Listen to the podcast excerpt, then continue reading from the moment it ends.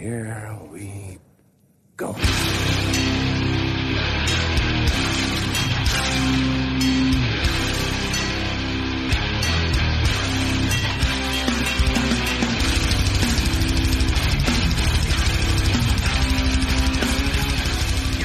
Sådär då, nere på noll avsnitt 145. Jag, Robin Lindblad, sitter här i ett eh, halvdisigt Örebro. På min högra sida, mannen med tapas. Mannen som precis är hemkommen från södre, södrare breddgrader. Eh, David Olsson. mycket vegansk mat här. Det var det? Mm. Det ska ju vara en, ett veganmecka Barcelona, så att eh, jag antar att du har, har samplat Lagt det på igenom. mig lite. Ja. Fan vad nice. Och rakt framför mig här sitter Dan Danne Nätterdal. Hej hej, Bra med dig? mycket bra. Ja, kul. Jag såg att du kavlade upp ärmarna här när vi började spela in, så att eh, jag antar att det ska örfilas både åt höger och vänster idag. Jag hade ju såna här jävla stora knappar på skjortärmarna som skrapar, så att det, det är inte att jag ska gå till handgripligheter här. Nej, det är så. Hoppas jag. Vi är ju tillbaka efter ett avsnitt om bolag, 144 som vi hade sist. Kul där. Eh, vi pratade ju bland annat om eh, Distortion Records från Göteborg. Jag måste börja med att dra en liten eh, pinsam anekdot här då. Eh, jag, några dagar efter vi hade släppt det här avsnittet så får jag ett samtal och jag befann mig i en sån här situation, du vet att jag borde egentligen inte svara. Jag står i en butik och håller på och kollar ut en blomma som vi ska köpa till min farmor. och eh, väger för och nackdelar med de valen. Eh, och så kommer samtalet. Jag hör att personen säger sitt namn, men det går liksom in genom ena örat och ut igen. Och eh, personen fortsätter då att direkt ha en, eh, en lång utläggning om just distortion och eh, kom med de härliga eh, anekdoterna kring vad det är för filur som eh, som jobb, har drivit det här bolaget.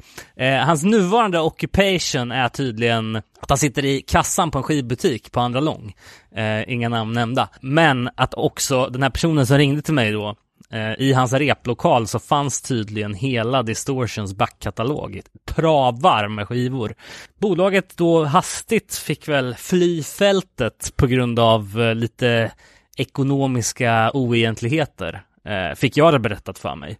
Ja, men det var ju flera som skrev på Facebook i, i feedbacken där att det var lite shady business going on. Och att eh, den här Crude SS-grejen som kom förra året inte var från Distortion utan att det var bara en, en rest från det or, originalsläppet Ja men precis. som dök upp på Discogs. Så att det är totalt inkognito där. Ja, ja, verkligen, verkligen. Så att eh, Eh, det vore ju kul att höra liksom andra sidan av det här myntet. Men eh, vi, vi, vi pratade inte så länge om dem och det var ju just för att det inte fanns så mycket information att hämta. Men det verkar vara mycket som är liksom vedertagna sanning här i Göteborgs punkscen kring det här bolaget. Så det vore ju kul att veta lite mer.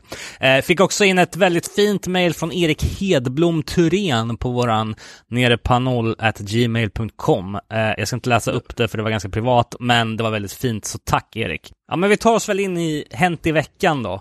Eh, och eh, det börjar ju då med att eh, min rubrik här är att Saves the Day-sångaren är ett as. Saves the Day, populärt inom hardcore-scenen eh, bland emo-fantaster. Eh, är ju också ett, Även andra. ja, Jag tycker det är skitbra. väl, välrenommerat band. Chris Conley som eh, sjunger och eh, co-founder av bandet har blivit an- anklagad eh, för eh, sexual misconduct. Eh, återigen, och eh, hans ursäkter rörde alkoholism och many errors in judgment, eh, vilket låter som rent skitsnack. Equal Vision gick ut och sa att de eh, håller på och undersöker det här och eh, vilket jag antar är Saves the Days nuvarande bolag. Eh, så vi får väl se om de blir så himla långvariga där. Det finns inget att säga till försvar för det här. Men har inte han haft några psykiska meltdowns förr? Jag, jag Typ att vill... man sett så här Ja, klipp exakt. från live när han typ har någon... Exakt. Jag har för mig att det var ett Hate 56-klipp som blev lite viralt när, ba- när han ballade ur. Men jag kommer inte ihåg vad det rörde sig om. Om någon vet så får de gärna länka i kommentatorsfältet. Men en annan grej som har hänt såg jag var att Strung Out hade annonserat en turné. I den artikeln som jag läste så var det inga Sverige-datum med, men det var ju någon om det var Terrak som länkade ut att de skulle komma till Lindesberg. men eh, det kanske var eh, skämt. Ja, jag, jag vet inte. Varför inte? Det var inte ett skämt. Det är, det är så Google-översättning, eller Facebook-översättning. Aha, okej. Det heter ju typ Lind, Linde eller någonting. Ja, okej, okej. Och sen har den översatt det. Just det, Lindau. Ja, Precis. kanske heter. Ehm, Terak som är så jävla peppar, han bara köpt hus i Lindesberg. Preppar för inför gigget. Men ja, det är ju, det är ju liksom, de är ute i två, tre veckor och det är väl minst två och en halv av dem som är i Tyskland. Så att vi får väl se om man får chans att se När det. är det? När fan kan turné börja igen? Eh, 2022, eh, sommaren 2022 står det dock, så ska jag säga att eh, i och med att USA är ju tänkt att öppna upp helt och hållet första juli har jag hört. Och ett band som... Madball har hört annorlunda. De har redan börjat. ja, de har ju redan börjat, såklart. Men ett band som har kapitaliserat på det här då direkt är ju eh, Rise Against, som annonserar en liksom två månaders fet USA-turné direkt från liksom första juli till sista augusti. Har spelningar i alla liksom amerikanska storstäder.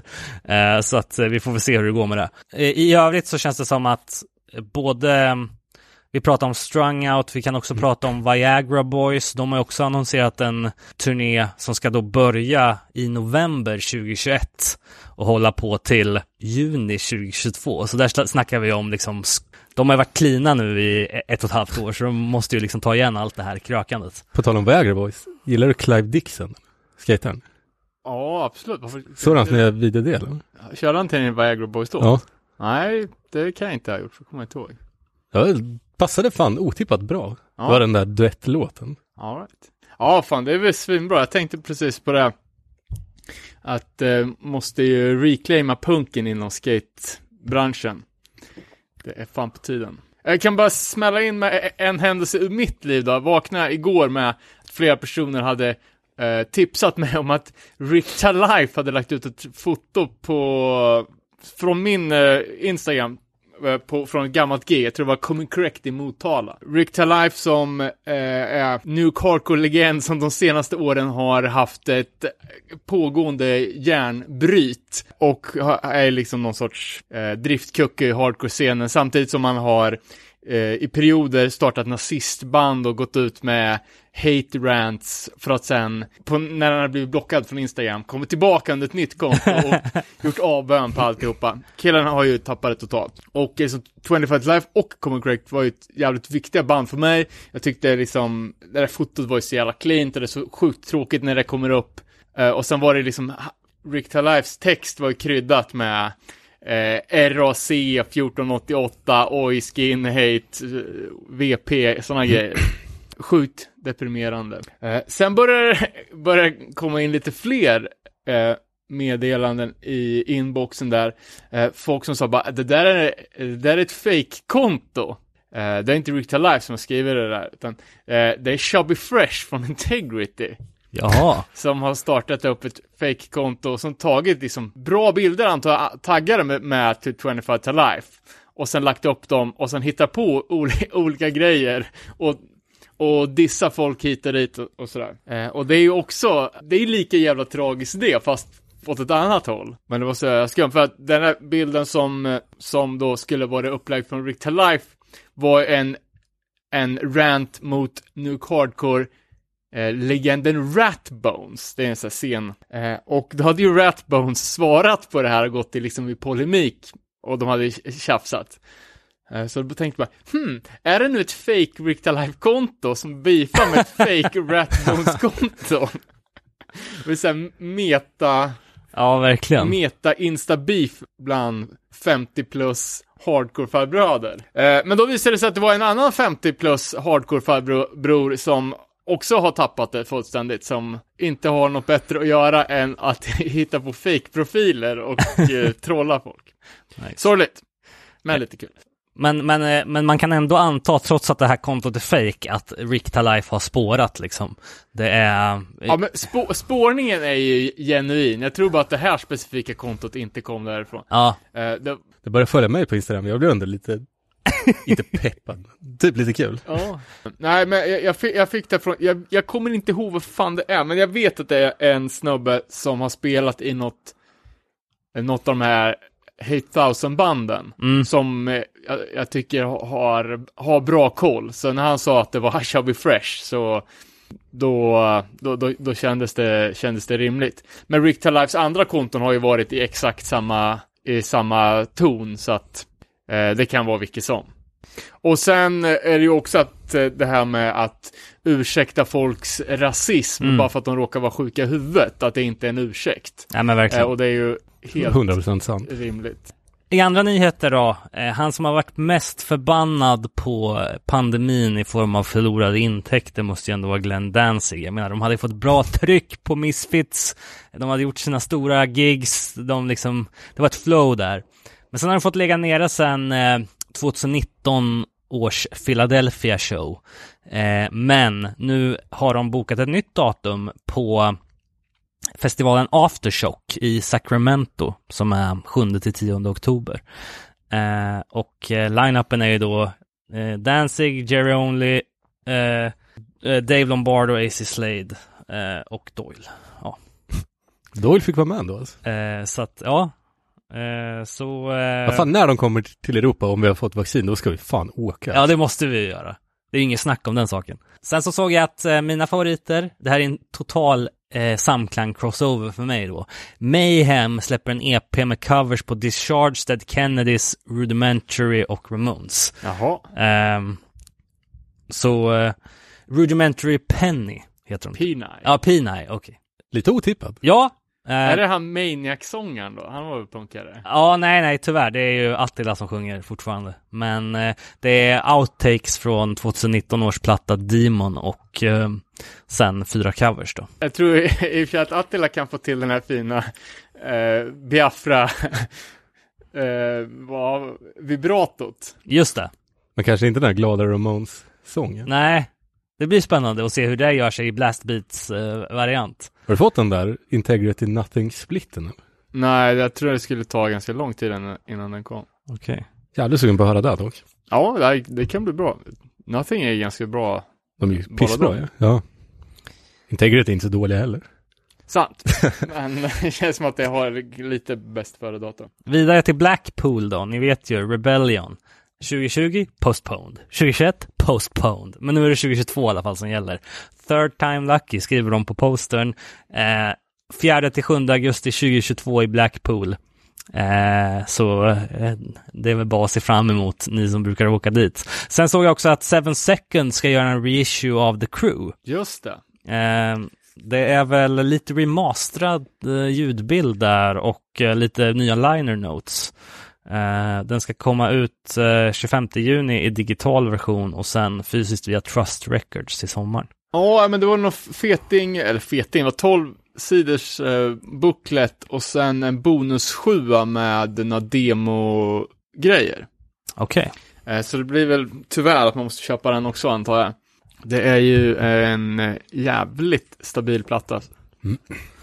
Sen lite, eh, lite, när vi blickade in i framtiden i förra avsnittet när vi bestämde vårt tema så visste vi inte att Discord skulle göra sitt eh, Discord 200 eh, boxset med deras eh, första eh, sex vinyler. Eller Nej, det, det är fan helt, det är helt sjukt. Var det inte en dag efter vi bestämde? Ja, vi, vi la upp det på sociala, på, Men vi bestämde på- ju inte, eller vi sa ju, ja men vi tar de sex första, det blir för mycket annars. Ja, men precis. För, vi ska, för jag och Robin snackade om, om Discord.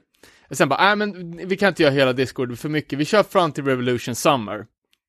Och sen ändrade vi oss igen. Bara, det går inte ens att göra första 20. Vi får fan, vi kör, vi kör bara sjuorna.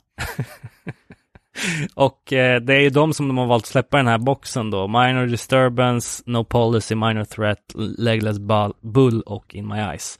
Eh, och även Possible då, Youth Brigade. För liksom, ja, vi, vi gick ut med det här, jag tror det var så tre, fyra dagar. Eh, om att vi hade spikat temat. Mm. Och sen gick Discord ut med det här. Eh, och eh, alltså ingen visste om det här. Det är liksom en ren slump och det är så, alltså 40 år senare. Så jävla timing. Och det sjuka är att vi gjorde precis samma sak inför vårt Misfit specialavsnitt. Jaha. Eller hur? När vi, fyra dagar innan Misfits Reunion eh, la vi upp ett gammalt kontrakt och gjorde fake-nyheten att Misfits ska återförenas. Just det. Och det var ju också eh, en, he- en ren påhittning som slog in. Så nu börjar man ju fan undra om man har någon jävla spåkula här i, i eh, tema-avsnitten. Ja, verkligen. Eh, Claima några aktier eller någonting. ja, exakt. Ska Eh, vi köpa boxen? Ja, det man vill åt är den här 12-sidiga bookleten som det kommer med. Eh, som säkert kommer vara en hel del opublicerat material i. Eh, det här är mail order only release och eh, preordern var öppen till 11 juni tror jag. Ja, det ska ligga en, en månad. Eh, och sen så kommer den skeppas i slutet av 2021. Ja, och framförallt så att de här skivorna är- har ju inte gjorts på 40 år, så de, det finns ju, ing- alltså, de är inte repressade. Men Eh. det, fan, det är klint att det är samma färger, samma oms, att de inte ändrar massor. Ja, det är lite, ja, det går väl säkert att urskilja dem från originalet. Eh, man vill man vill ju inte bli blåst på en, Jag räknade vad det skulle kosta att köpa alla på Discogs. ja, Det är ju över 70 000. Då Och de, det- hälften fanns, ju, fanns inte till salu, men de har sålt för dem då är det kanske värt att lägga 41 dollar i frakt då för att få hem den där boxen. Men eh, eh, tillåt en amatör spekulera här då. Hur hanterar man en sån situation som vinylköpare? Alltså, eh, jag, jag kan bara relatera till de dataspel jag har spelat där det har funnits ett auktionshus. Och om någonting sällan säljer där så eh, är det helt omöjligt att avgöra vad fan man ska pröjsa för det när det väl kommer upp. Ja, Alltså, eh, och hur fan avgör man? Är det beroende på vad säljaren lägger för utgångspris? Pris? eller minimitak? Eller hur vet man vad man ska buda när senast sålda är för 20 år sedan eller något? Alltså, Ja, men alltså då, det finns ju nu med, med Discog så finns det ju akkurat eh, statistik på försäljningspris. Annars så finns det sidor som listar Ebay, eh, auktioner och sådär. Eh, så att det, Men det är väl som det värde på vilka antikvi- antikviteter som helst. Ja. Eller typ när de vär, antikrundan vär, värderar ju också grejer. finns det no, Det är eh, väl bara värt att någon är villig att betala.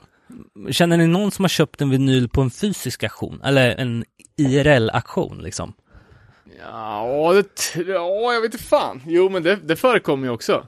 Eh, och nu efter att Discogs inte längre säljer bootlegs så har jag sett lite sådana grejer kommit upp under riktiga auktionshus. Och jag har till och med skrivit in mig som medlem på någon jävla, Bukowski. ja men typ, som var specialiserad i, i musikrelaterade grejer. Men jag har aldrig budat på någonting. Det borde vi ha som ett event då om vi någon gång kör livepodd att eh, vi kommer auktionera ut tre sjuor liksom så får man ta på sig den här Texas-hatten och bara 500 där, 500 där, 500 där. Ja, men det är sjukt, alltså, för priserna har ju spårat och eh, första Misfits 7 Call of Cool såldes ju i, i veckan för 10 877 dollar. Eh, så att det är ju stora pengar och det, det är ju skenande priser. Ja, Men vissa Discord, de har aldrig velat att man ska samla på det. Ja, men då känns Att det, allting ska typ, alltså, det går att se skillnad på det ändå, men att allting ska vara likadant.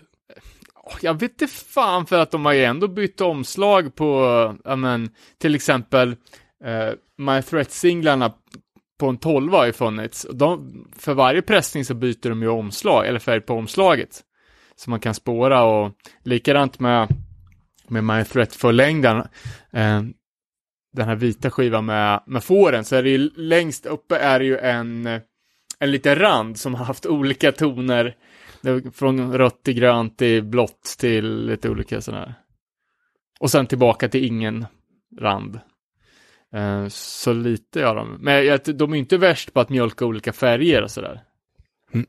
Eh, och jag vet inte om det är om det är pragmatism eller om det är någon sorts ideologisk grej att de inte vill mjölka liksom.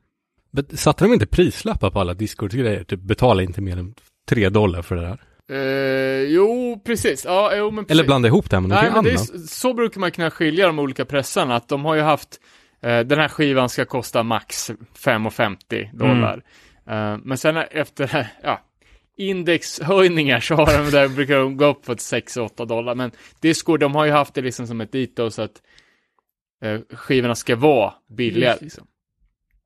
Eh, och jag kommer ihåg när jag köpte, jag, jag spelade ju SOA-demon som jag köpte på, på vinyl när jag var i USA för kanske 10 år sedan. Eh, och när jag kollade på den skivan i, här- häromdagen så såg jag prislappen och då, var, då kostade den 2,80 dollar. Det är liksom 25 spänn för en sjua på 2000-talet. Ja. Så att de har ju slimmade priser fortfarande. Sömnlös övergång då från ett bolag till ett annat legendariskt bolag med slimmade priser och hög moral. Lätta Börder Records. Ny sjua uppe för pre-order. Tusen ögon. Svensk punk. Lite, lite hatt. Lite damers. Jag är medlemmar från Damers. Om du ser. Eh, och lite så här, du vet de snälla Ebba-låtarna typ. ja, men fan vad kul. Jävligt bra. Det Eh, måste man ju kolla in. Är det pre-order uppe eller? Priora uppe nu. Fett.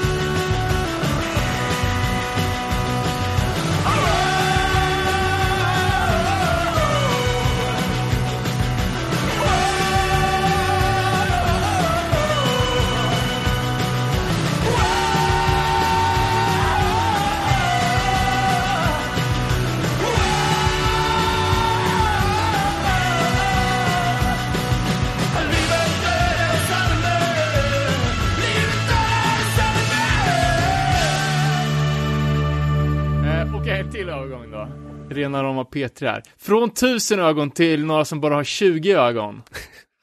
Misfits. eh, jag såg i eftersnacksgruppen att det är någon som håller på en nam- med en namninsamling för att få upp en Misfits-staty i Lodi, New Jersey. Mm, Jag läste det också. Det här måste man ju vara med på. Fan vad härligt alltså. Eh, och då är frågan är, eh, vilka får vara med på statyn? Med, med Doyle är ju out. Ja, Doyle får ju inte vara med. Han får ju stå i en jävla pennstaty 20 centimeter hög lite längre bort. Fy fan, fatta ångesten att vara konstnären som gör statyn. För tror du Danzig kommer lägga sig i det här? Ja men fatta vad kul helvete. att göra så att Danzig är minimerad liksom i det Hey här. man, you're gonna make me bigger. Ja, I'm huge. eller så gör man den där, st- statyn är liksom Glenn Danzig när han kommer ut från Tosco eller vad fan var det han kom ut med blöjor? Toapapper. Kattsand. Ja, men det blir ju, vad heter det, Diane, Jimmy Battle och sen en gigantisk Glenn som en jävla grekisk gud. Det heter Glenn som Frihetsgudinnan typ. Men vad fan, eh, absolut, eh, då blir ju kanske Misfits då första bandet i våran sfär som, som får en staty. Men vilka andra kan man tänka sig? Jag tänker han eh, Mickey Fritz från The Business, han borde ju ha fått, eh, fått en staty. Ja, finns det inte någon Ramones-staty? Ja, det kanske är så. Ja, Fan, det, finns det inte någon Clash-grej? ja, folk som har koll på statyerna kan ju hö- höra Men jag menar, typ så här. Clash och Ramones tycker inte jag riktigt räknas, för de, liksom, de har ju egna museer för fan. Det kommer ju Misfits aldrig få. Jo, förutom jo, jo. i Karlstad. Tror ni, vad fan heter han, Michael Graves? han gör en egen staty som han limmar fast i. eh, Ja, ordinarie. och det är en annan diskussion man kan ha. Vem vill helst ha en staty? Om vi bortser från Danzig då, då kanske det är Michael Graves eller Toby Morse. Fan, vi kanske ska sjösätta kampanjen för såna här grejer. Harley Flanagan-statyn. Section 8-staty i Skänninge. Nej men du vet ju vad som är viktigast för Fla- Harley i sitt eftermäle. Det är att han får begravas bredvid, vad heter han nu då? Eh, Bourdain. Allen Ginsberg eller just Drummer eller alla de andra kändisarna som man har träffat en gång som man skryter om hela Just tiden. det. På tal om det här, jag glömde ju faktiskt bort det också. På Ding Ding Värld. Jag vet inte, vi sysslar inte så mycket med skvaller i den här podden, men det här måste ju vara närmsta vi kommer någon form av punk cross, eh, såhär pop-punk crossover deluxe alltså. Eh, jag, eh, det här kanske vi får klippa bort, men, men eh, Travis Barker från Blink-182 har ju skaffat en ny tjej, eh, som är en Kardashian. Du, det här pratade de om på radio. Och då Gjorde sa de? de, ja, på P3. Då sa de att det är typ situationstecken inne med alltså, punk, skate, skatepunk-killen Ja. igen. Men allt det här är ju Machine Gun Kellys fel. Eh, men, men det är lite kul då, för då gick jag in och kollade på Travis Barker på, eh, på Wikipedia och kollade upp vad han har gjort de senaste åren, liksom utöver Blink, de gjorde sin, liksom, halvkassa reunion och eh, släppte. Vadå halvkassa? Du tyckte den skivan var Ja, jag tyckte den var svinbra, men alltså, eh, den togs ju inte emot Nej, lika väl som, men jag gillar den. Eh, men det är aldrig en garantistämpel för något. Men i alla fall. Men har inte de turnerat med någon sån Soundcloud-rappare? Nej, de, eh, Blink var ju på turné med, Typ Post Malone? eller? nej, ah, vad fan heter han nu då? Eh, han heter ju, inte Wiz Khalifa, men, ja, det är en sån där jävla Vans-rappare liksom. Han är ju äldre. Eh, Blink-182 turnerar med Lil Wayne, men Travis Barker, han har gjort så här, eh, det finns ju jävligt många poplåtar nu för tiden som är liksom eh, någon känd popartist featuring Travis Barker. Okej. Som går på liksom P3. Han är säkert jättebra på trummor, men jag tycker att han alltid gör det för mycket. Typ. Ja. Ja, Han är ju sjukt skillad, men... Ja, eh, men han kör ju mycket, han kör ju såhär trap hi-hat. mm, Så exakt. det passar ju bra till sådana Soundcloud-rappare. Ja, precis. Nej, så det var, det var vad bara fan, ett han, ja, Jag såg någon sån här Post Malone spela Nirvana som var fan ganska bra. Då spelade han trummor. Jaha. Ja, jag, eh, jag, min, min fru kollar på det här jävla get, get Up with the Kardashians, eller Keeping Up with the Kardashians.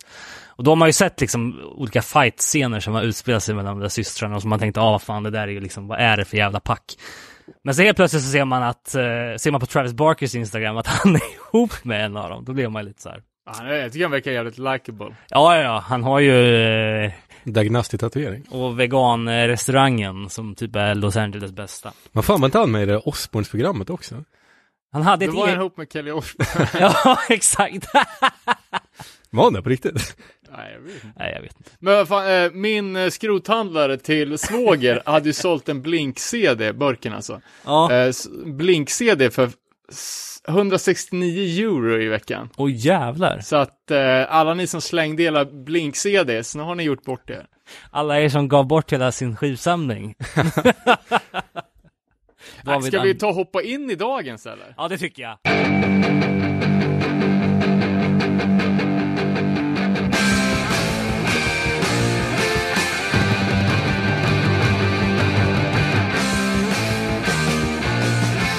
You tell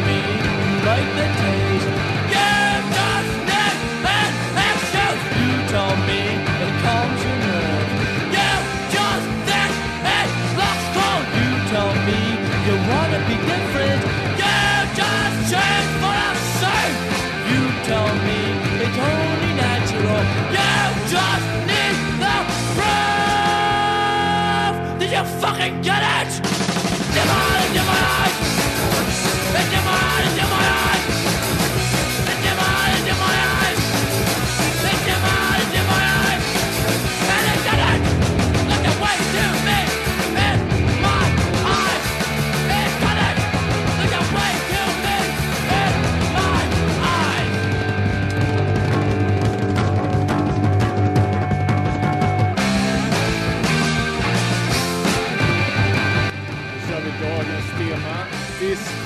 Records 1 till 6. Äntligen kommer någon skrika nu i, i någon ort i Sverige. Ja men faktiskt, för att det här är ju en eh, dynginstitution inom hardcore. lite tjänstefel att vi inte har gjort det förut. Eh, Men ibland är saker, träden är för nära skogen helt enkelt. Mm. Och, och vad fan är det? För ett år sedan eh, det bildades. Ja, Eh, precis. och- 19- 1980. Och, och nu när man har... Som vi sa, 200 släpp i år. Ja, precis. Och nu när man har fått chans att återbesöka de här 1-6 släppen så måste man ju säga att det håller ju mycket bättre än många andra plattor som är från den här tiden. Eh, Och även senare liksom. Absolut. Ja, de har ju en eh, extremt fin start sexa och egentligen start 20. Eh, om man håller på med såna här emo och post-hardcore grej så är ju som de första, inte vet jag, 40-50 releaserna monumentala. Bolaget som bildades av Jeff Nelson, Ian Mackay och Nathan Strayek från bandet Teen Idols blev ju, ja men, eh, ja men som jag sa, monumentalt i två helt olika subgenres. Dels inom eh, American Hardcore, men också i emo post-hardcore, det som numera kallas för DC-soundet. Eh, och bolaget var ju extremt tongivande inom, ja, låt oss kalla det för tre pelare inom hardcore, och det är ju då straight edge, DIY och all ages-spelningar. Eh, men vi kanske ska ta lite på så här personlig relation till Discord. Eh, förutom Minor Threat, som jag antar att ni hörde först, vad kom, vad, vad, vad, hur kom ni in på det här? Jag kickar den till Robin. Ja, min relation är väl något mer kontemporär, men den är ändå desto mer tydlig måste jag säga. Det handlar om vilken profilbild ska jag ha på Messenger? Jag googlar, jag är straight edge och vad får jag upp? Jo, minor disturbance-omslaget. Eh, vilket eh, fan är en av de mest klassiska straight edge pose-bilderna, eh, liksom, någonsin. Fan, det Eh, är ganska un- udda ingång till ett band ändå. Det, Ja, börjar men- med, det men- börjar med en profilbild, men det är... Ja, jag menar det. Men vi pratar ju om unika ingångar här. Ja, och det, Alla sätt är bra. Eh, så att eh, det var väl där jag började lyssna på och också, jag menar den här eh, Minor Disturbance EPn som jag tycker är eh, ömsom svin eh, hård och eh, ömsom fjantig, liksom. Eh, Ja, men det är valid point. Skulle fan säga att jag var ganska sen på det här. Ja, men Minor Threat har man, det har man väl alltid lyssnat på. I Resten har jag inte gjort det. Uh, nej, för, vi, jag kommer, vi har pratat om det förut. Vad, vad hörde ni först? Låten Straight Edge med NoFX eller Minor Threat? jag kommer inte ihåg vad vi kom fram till, men eh, alltså Minor Threat är ju ett av de för, första banden eh, man hör talas om när man, ko- man kommer in på hardcore. Men för mig så var det, alltså, det var in, inget så supersnack om Discord eh, eller banden, utan för oss var ju Victory Records Tänkte jag säga det. Det viktigaste. Ja. och eh, Revelation. Men eh, som jag har nämnt så många gånger förut så fick jag ju, eller fick jag, köpte skivan Hold You Ground, Lost and Found-samlingen med typ 40 band på. Eh, jävligt tidigt. Och då var ju både Government Issue, Artificial Peace och Void med. Just Så det. de hade jag ju hört i alla fall, liksom redan från typ dag ett. Eh, den första plattan som jag köpte sen var Scream faktiskt. Lite, lite otippat. Eh, och den första jag, jag hade på, på vinyl var fyra sjuor på en tolva. Eh, och det är ju då fy, de fyra singlarna som inte är My Threat av. Och de vi kommer snacka om idag. Men DC då? District of Columbia som stad. Eh, har nämnts förut i podden. Eh, det är ett ganska speciellt ställe. Eh, extremt demokratiskt. Det finns mycket eh, så här, liberala strömningar. Det, det känns som att det är det skiljer sig mot till exempel mellanvästern. Förutsättningarna skiljer sig ganska monumentalt. Eh, vuxna eller föräldrar som, som eh, är och jobbar i, eh, i DC är oftast engagerade i politiken eller på de olika collegerna. Eh, och det är ju ganska övre medelklass Men det är ingen arbetarstad. så, så kan man ju absolut säga. Eh, Ivor Hansen som, som lirar i bandet SOA, hans farsa var amiral, eh, vil- vilket är väl båtarnas motsvarighet till general tror jag. Eh, och det är väl någon från Marginal Man tror jag som är senator. Eh, SOA eh, li- eh, repar väl också på Naval Observatory i DC. Ah, okej. ja. Eh, Ivors farsa jobbar väl där, som du sa. Ah. Eh, ja. och de fick ju de fick ju ha sin replokal där, så att det liksom den här, eh, vad ska jag säga, myndighetskoncentrationen eh, koncentrationen gå- går liksom i, i, i Men vad lin- he- heter det white collar? Folk som jobbar Ja, på kontor. kontor. Ja, exakt. precis. Och med, om man jämför med liksom den tidiga hardcore-scenen i, eh, på västkusten till exempel så var det ju jävligt mycket, alltså, arbetarklass, brutna hem, lite mer kids på, på rymmen. Här känns det som att det är lite mer dukade bord och folk går till jobbet. Liksom. och lite liksom det ser man ju bara på vad backdropen är på många av de här bandbilderna liksom. Jag tänker på den klassiska Discord-bilden med Minor Threat liksom att det är ju liksom ingen slum i bakgrunden utan det är ändå en fin liksom villa. Brian Baker berättar också om sin, eh, sin skolgång, att han gick på något så liberal hippieskola, eh, där man inte behövde ha skor och man kunde ha med sig hund. Närmsta granne är dock eh, Baltimore, eh, som eh, är eh, Murder Capital. erkänt rufft. Eh, punkscenen innan den här nya generationen av Discord-band blommade upp. Jag skickar till er en, en ganska bra sammanfattning på den och det är ju compilation som heter 30 seconds over DC. Som eh, är en samlingsplatta med, ja, med de aktuella banden. Eh, som fanns på den tiden. Det, är, det känns som att det är sjukt mycket Punk 2.0 får man väl säga. Det är inte direkt klassisk 77-punk, utan mer new wave, lite mer art-punk. ja, den heter väl till och med det. Here comes the new wave, eller? Ja, precis. Det är någon så här subtitel. Ja. Liksom. Men det fanns ändå några, några intressanta band eh, som inspirerade den kommande generationen. Slicky Boys, The Chumps, eh, bandet White Boy har vi nog snackat om förut. Eh, det var ju en far och en son som hade ett punkband. Det var första punksingen som kom från DC. Okej. Eh, där farsan sen åkte in på 100 år för pedofili. Mörk historia. Eh, sen finns det även en eh, Jeff Dahl-låt, eh, något soloprojekt, och han var ju senare känd från banden Voxpop, inte det svenska, eh, Angry Samoans och eh, senare Powertrip. Eh, och mannen bakom den här samlingen är ju en kille som heter Skip Groff. Eller Frank Samuel Groff den tredje. Det är lite white collar bara det. Vi, vi, du berörde Kid i Fiddling. Hans profilbild är ju åt det hållet, alltså inga övriga anklagelser. Okej, ja, eh, rest in peace får vi väl också flika Okej, in. fan. Klipp! Eh, och den, den goda, eh, den goda Skip eh, är ju super, vi kollar på bilden. Jag tycker det, jag tycker det ser ut som, Ja, jag förstår vad du menar. Förlåt. Skip var superviktig för att få till hela den här grejen. Eh, han hade en eh, skivbutik som hette Yesterday and Today.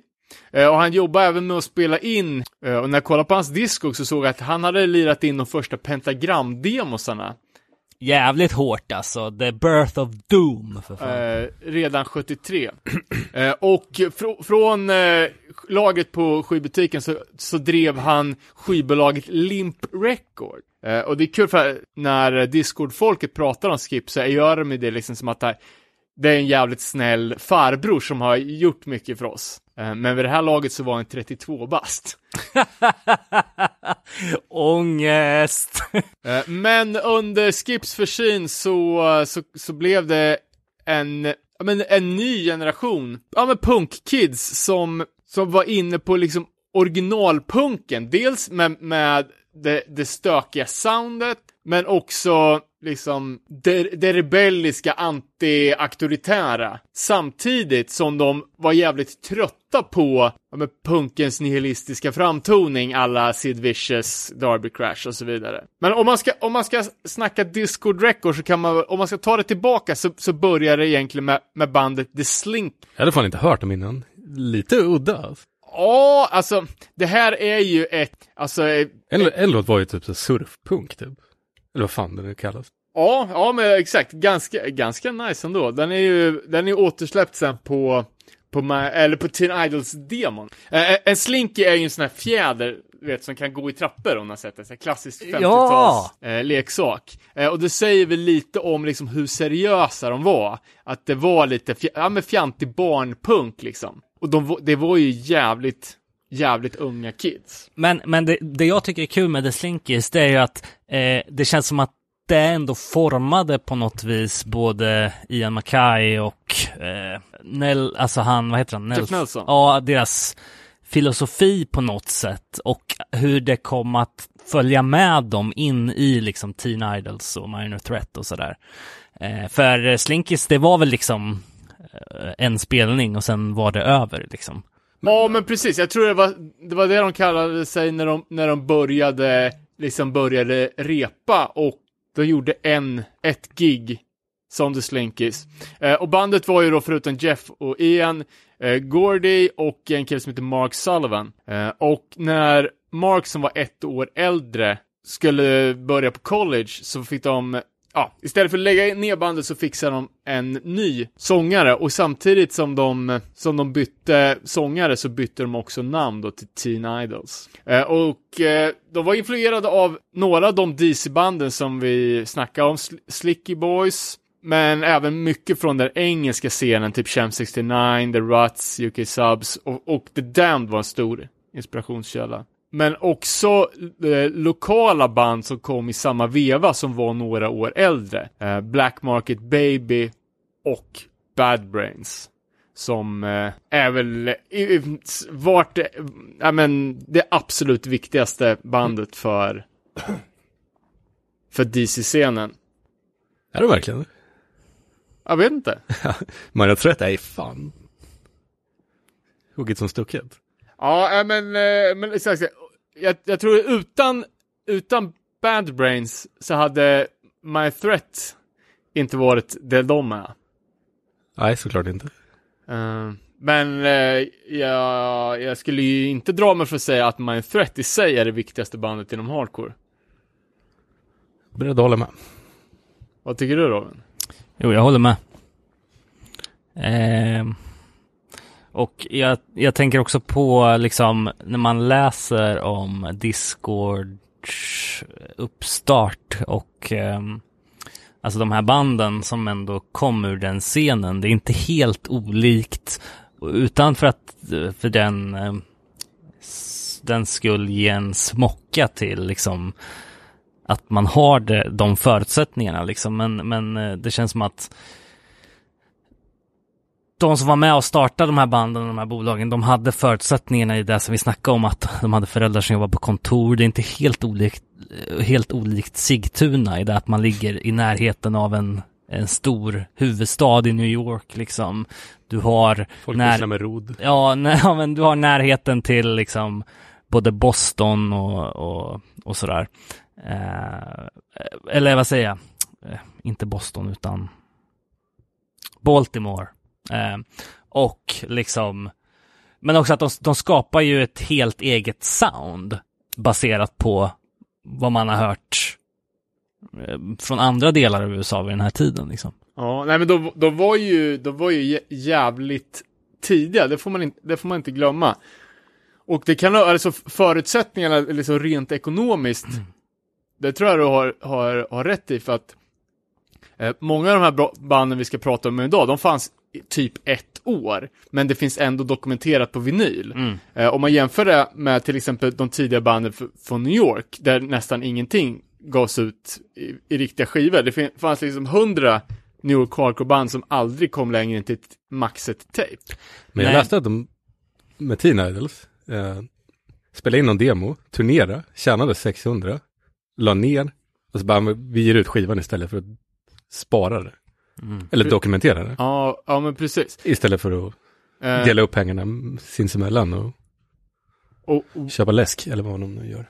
Eh, så precis, och så om vi ska snacka, så, så om vi ska snacka liksom om bolaget så är ju Teen Idols fanns ju innan bolaget bildades. Och Teen Idols fanns inte när bolaget bildades. Nej, men nej, precis. Eh, och det här var ju då ett, eh, gäng kids som gick sista året på high school. Det var alltså samma uppsättning eh, som Slinkies, fast med sångaren Nathan Strayjack. De Eh. tog väl till och med några Slinkies-låtar va? Men, Eh, osäker på vilka, men några hängde med. Eh, kan vara så att det ändrades eh, lite texter också. Och bandet fanns totalt i 14 månader och de gjorde ett antal spelningar, jag tror de gjorde upp, upp mot 30 spelningar. Eh, men på den här korta tiden så hann de ändå pumpa ut två demos och då en, sky, en sjua efteråt. med, med åtta spår på också, vilket man gillar. Precis, och det är ju... Eh, det känns ju som jävligt mycket. Alltså jag tänker på den här tiden så var ju en singel var ju två låtar, en A och B-sida. En EP var fyra låtar. Eh, och jag ju- gjorde en, liksom en liten snabb random sökning på punksinglar släppt 1980 eller tidigare. Eh, och drog 40 stycken och hittade ingen som hade så mycket som 80, eller åtta låtar på.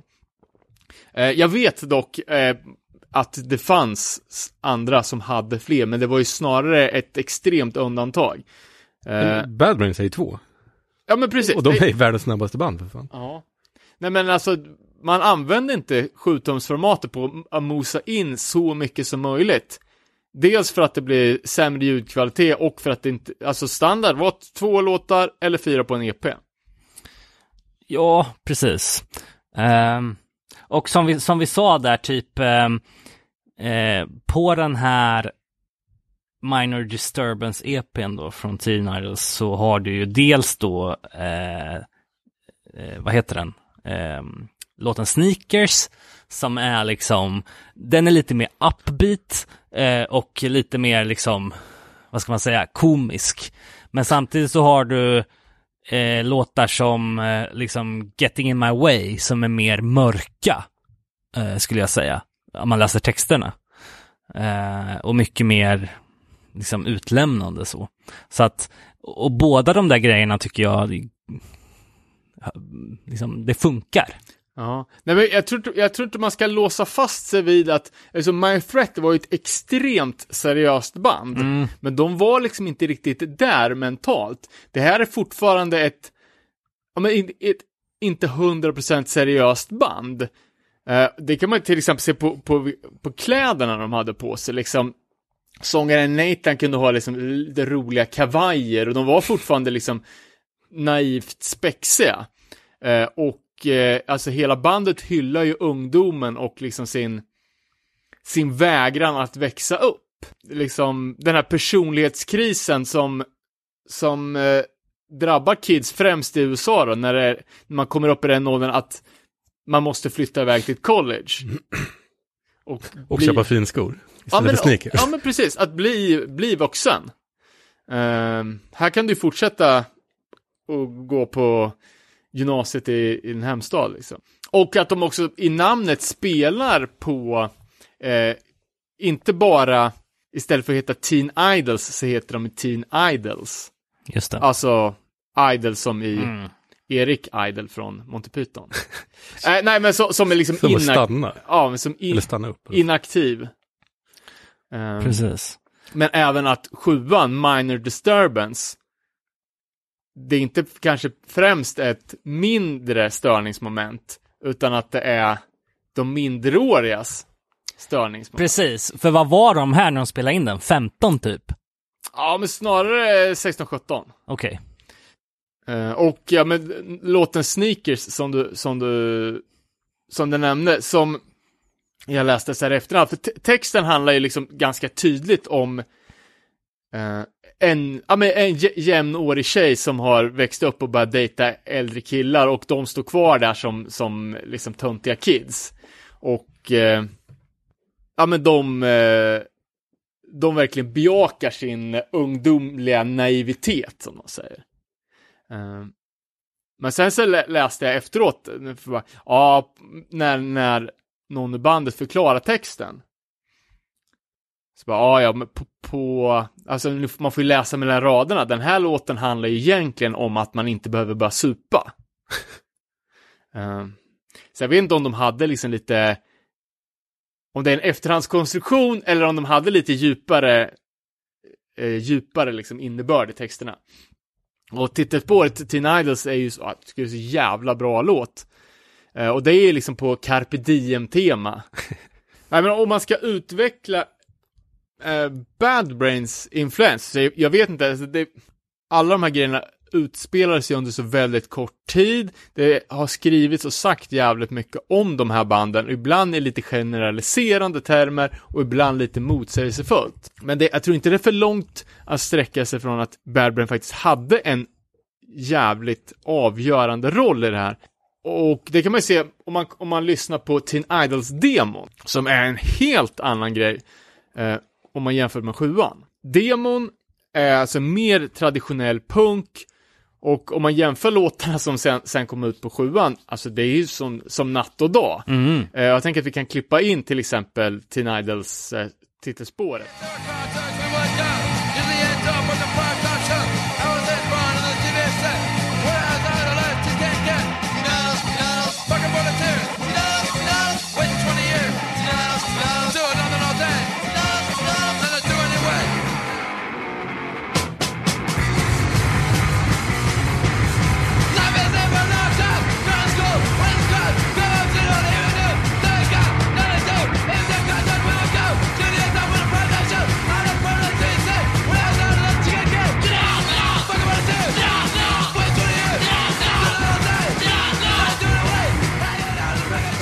Där har vi då de- demo-versionen mot 7-tumsversionen. Och vad har hänt däremellan? Jo, i juni 1980 kommer Pay to Come med Bad Brains ut, deras första släppta inspelning. Fullängdsalbumet Black Dots som kom på 90-talet var ju fortfarande inspelad. Så jag vet inte om den, om den inspelningen cirkulerade och att de hade liksom, att de hade den i alla fall. Men annars är det ju, Paycam-låten är ju fan sju resor mot allt annat, typ som, som fanns, i alla fall eh, lättillgängligt. Och att det fick de här, att nu när de skulle gå in i studion, att de verkligen one-uppade och gjorde sina egna låtar så jävla mycket snabbare och hårdare. Eh, den här nya generationen av kids var ju inte riktigt välkomna bland de äldre punksen som var med från första generationen. Det var ingen som ville ha med dem att göra. Alla tyckte att de var töntiga ungar. Bad Brains däremot såg dem liksom som sin eh, herd som de kunde liksom fostra och eh, eh, det slutade med att Bad Brains repade tillsammans med Teen Idols hemma hos Nathan eh, och HR liksom var där som en jag vet inte, fadersfigur eller Messias. liksom, och eh, lärde dem allting och fick dem att vilja vara seriösa med, musiken och fokuserade. Sen i samband med det här så läste jag också att HR sköt heroin från att han var 16 bast. Eh, jag trodde att de bara ch- chillade med, med the natural goodness of Ganja. The Devil's Lettuce. Eh, och att HR visade dem boken Think and Grow Rich av Napoleon Hill, som är liksom själva PMA-bibeln, där hela det tankegodset liksom presenteras. Men jag tycker att det är ganska intressant för att vi ser Teen Idols, de är jävligt lättpåverkade i vissa grejer. De tar liksom rakt av PMA-budskapet från Bad Brains, eh, att vara 100% seriösa och repa satan och liksom kämpa med sitt band. Men de, de snappar in, de, de börjar inte eh, röka eh, gräs för att Bad Brains. Eh, sidospår också som jag bara såg idag, jag höll på att buda på en Bad Brains kassett på Ebay. Alltså första Bad, Bad Brains eh, skivan som, som släpptes kom ju bara på kassett. Det är den som heter Bad Brains. Eh, den vi har rippat eh, ner på noll-loggan från, som alla sett. Den, släpp, den såldes i 150 000 ex på kassett. Jävlar! De tio första åren den fanns ute. Shit. Det är fan helt jävla galet. Ja, verkligen. Vad fan är det? Är det deras eget skivbolag på något sätt? Ja, den gjordes, släpptes ju på Roar. Det kassettbolaget från New York. Så vad går den för på Discogs nu då? Alltså det finns så Det jävla lär många... hur många som helst. Det finns så jävla många olika pressar. Den jag budar på idag, den slutar på 29 euro. Mm. Eh, och då såldes den som the original, Mm. vilket den inte är. Eh, den, den riktiga första varianten ska ha vit rygg och eh, eh, röd eh, kassett. Eh, men det finns massa olika kassettvarianter, det finns genomskinlig röd och det, ja, det finns hur mycket som helst. Okej. Men man kan tänka att eh, om den gjorde 150 000 ex, att det finns ett gäng pressar. Sidospårens sidospår. Eh, Men jag tror inte att det här med att de valde att inte plocka upp pipan, så att säga, eh, har att göra med att eh, Att de var töntar. Nej, Nej, men jag tänker på vilken, vilket eh, budskap som fanns i det amerikanska medelklassamhället i början av 80-talet. Du vet, Ronald Reagan, War on Drugs, det var liksom, eh, de tillhörde ju, och deras föräldrar tillhörde ju säkert det skiktet av samhället som kunde ta in den här informationen och, och kunde välja. I jämförelse med de som bodde på Lower East Side och inte Nej, Hade något nej, men val. Jag skulle faktiskt vilja säga precis tvärtom. För o- o- okej att det fanns liksom eh, som eh, moralkonservativa strömningar i samhället.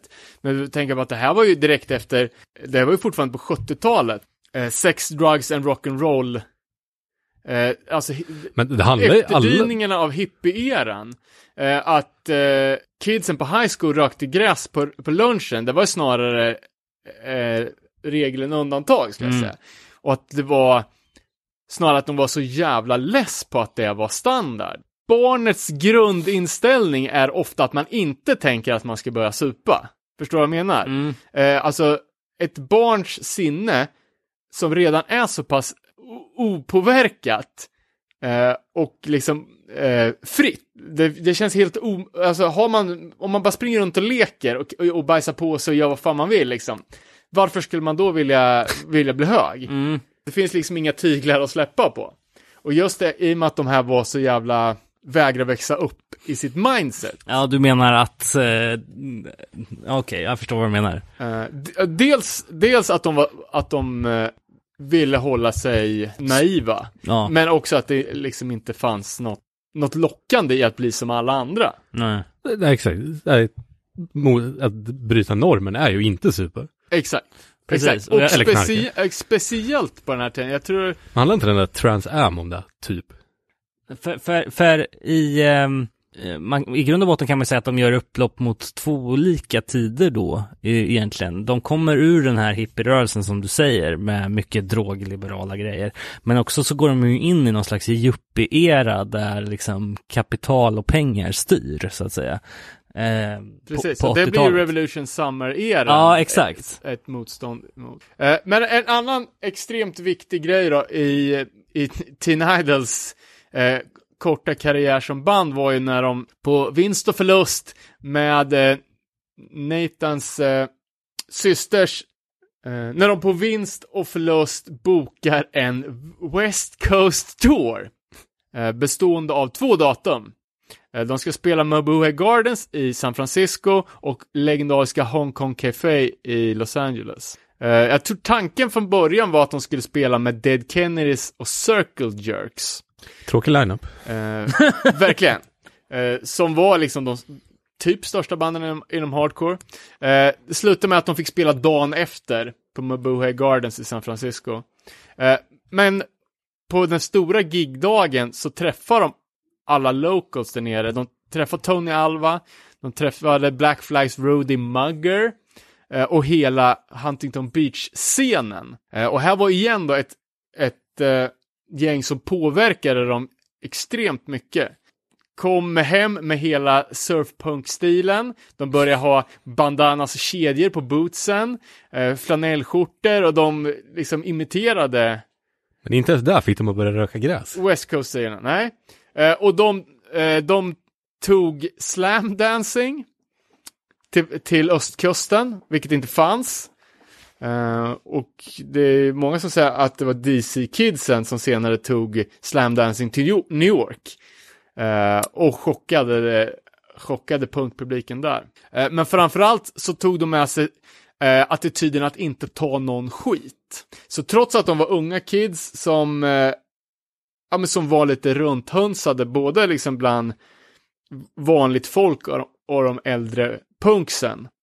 Eh, så fanns det också liksom ett sånt jävla hat mot alla som var normbrytande på den här tiden. Eh, och de, de, de, det beskrivs i i någon text liksom hur de är på, på det här eh, Dead Kennedy Circle Jerks-gigget och står liksom lite storökt i foajén och är på väg in. Och så ser de bara kommer en snubbe utspringande, en, en, en, liksom en, Ah, en vuxen man med en jävla hord av kids efter sig. Och så bara spör de skiten ur han. Uh, och sen så bara, okej, det där är alltså ett alternativ. Vi är fler än de jocksen som sitter i bilen. Vi, vi, vi kanske ska börja vi kanske ska börja ge tillbaka när någon kommer och- och ska fucka med oss för att vi är punks. Efter det så, så kom de hem som ett förändrat gäng. Eh, rent mentalt liksom. Dels att de börjar liksom mosa folk på dansgolvet, men också att de slogs Mm. för sin sak. Och man tror liksom Henry Rollins och eh, MacKay beskrivs ju alltid nästan som såna jävla mysfarbröder, du vet, de är så eh, liksom snälla och fromma. Men när man läser lite mer liksom att de var ja, men ganska ökända liksom, att de två var de värsta bråkstakarna och de var de värsta liksom, ja men inte crowdpuncharna, men åt det hållet att de ville liksom, när de gick på en spelning så skulle alla komma ihåg att nu har DC, deras crew varit där. Eh, och i och med att de också var nyktra så hade de liksom ett, eh, ja men ett övertag om det skulle bli tjafs liksom. Eh, de, ja men, vi var unga, arga, nyktra och jävligt farliga. Och en annan grej då, supermonumental grej som de tog med sig från den här turnén. Det var ju ett koncept som Dirk Dirksen, bokaren på Mabuhe Gardens, hade. Det var att släppa in kids eh, som var underåriga på gigget med ett ex på handen som gjorde att de inte kunde handla i baren. Just att inte komma in på spelningar, alltså det är ju många Teen Idols-låtar som handlar om det och det var ju deras absolut största problem. Mm. Många, ja men de engelska banden som turnerar och liksom, de spelar i, i DC men ki- kidsen fick inte komma in. För att, ja, det fanns ju liksom inga venues som, som var för under 18 år. Och med den här nya konceptet så, så pitchar de den idén på sin Fan, är lokal. det inte till och med 21 eller? Ja, men jag kollar faktiskt upp det. Det är 18 i, DC. i DC.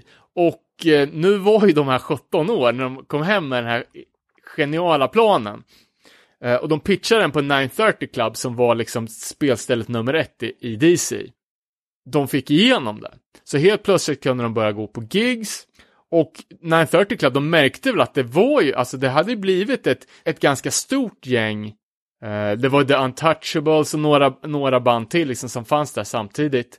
Uh, så att genom att släppa in de här ki- kidsen så såg de att, vad fan, vi får ju in bra med folk. Liksom. Och det öppnade i sin tur upp för att de skulle kunna bara köra all ages-spelningar på, på 930. Och det fanns ju liksom inte innan. Ja, just det. Eh, och det var ju liksom, det är ju hela Discord-grejen, liksom fem, fem dollars gigs all ages. Som, som blev en sån jävla standard sen. Men återigen då så tog de inte supandet, Huntington Beach och LA-scenen, det var- de var ju liksom fucked on drugs deluxe. Och söp satan. Men av någon anledning så, så lät de sig inte inspireras av den delen, utan bara tog, tog, tog bara våldet och exet med sig, med sig tillbaka.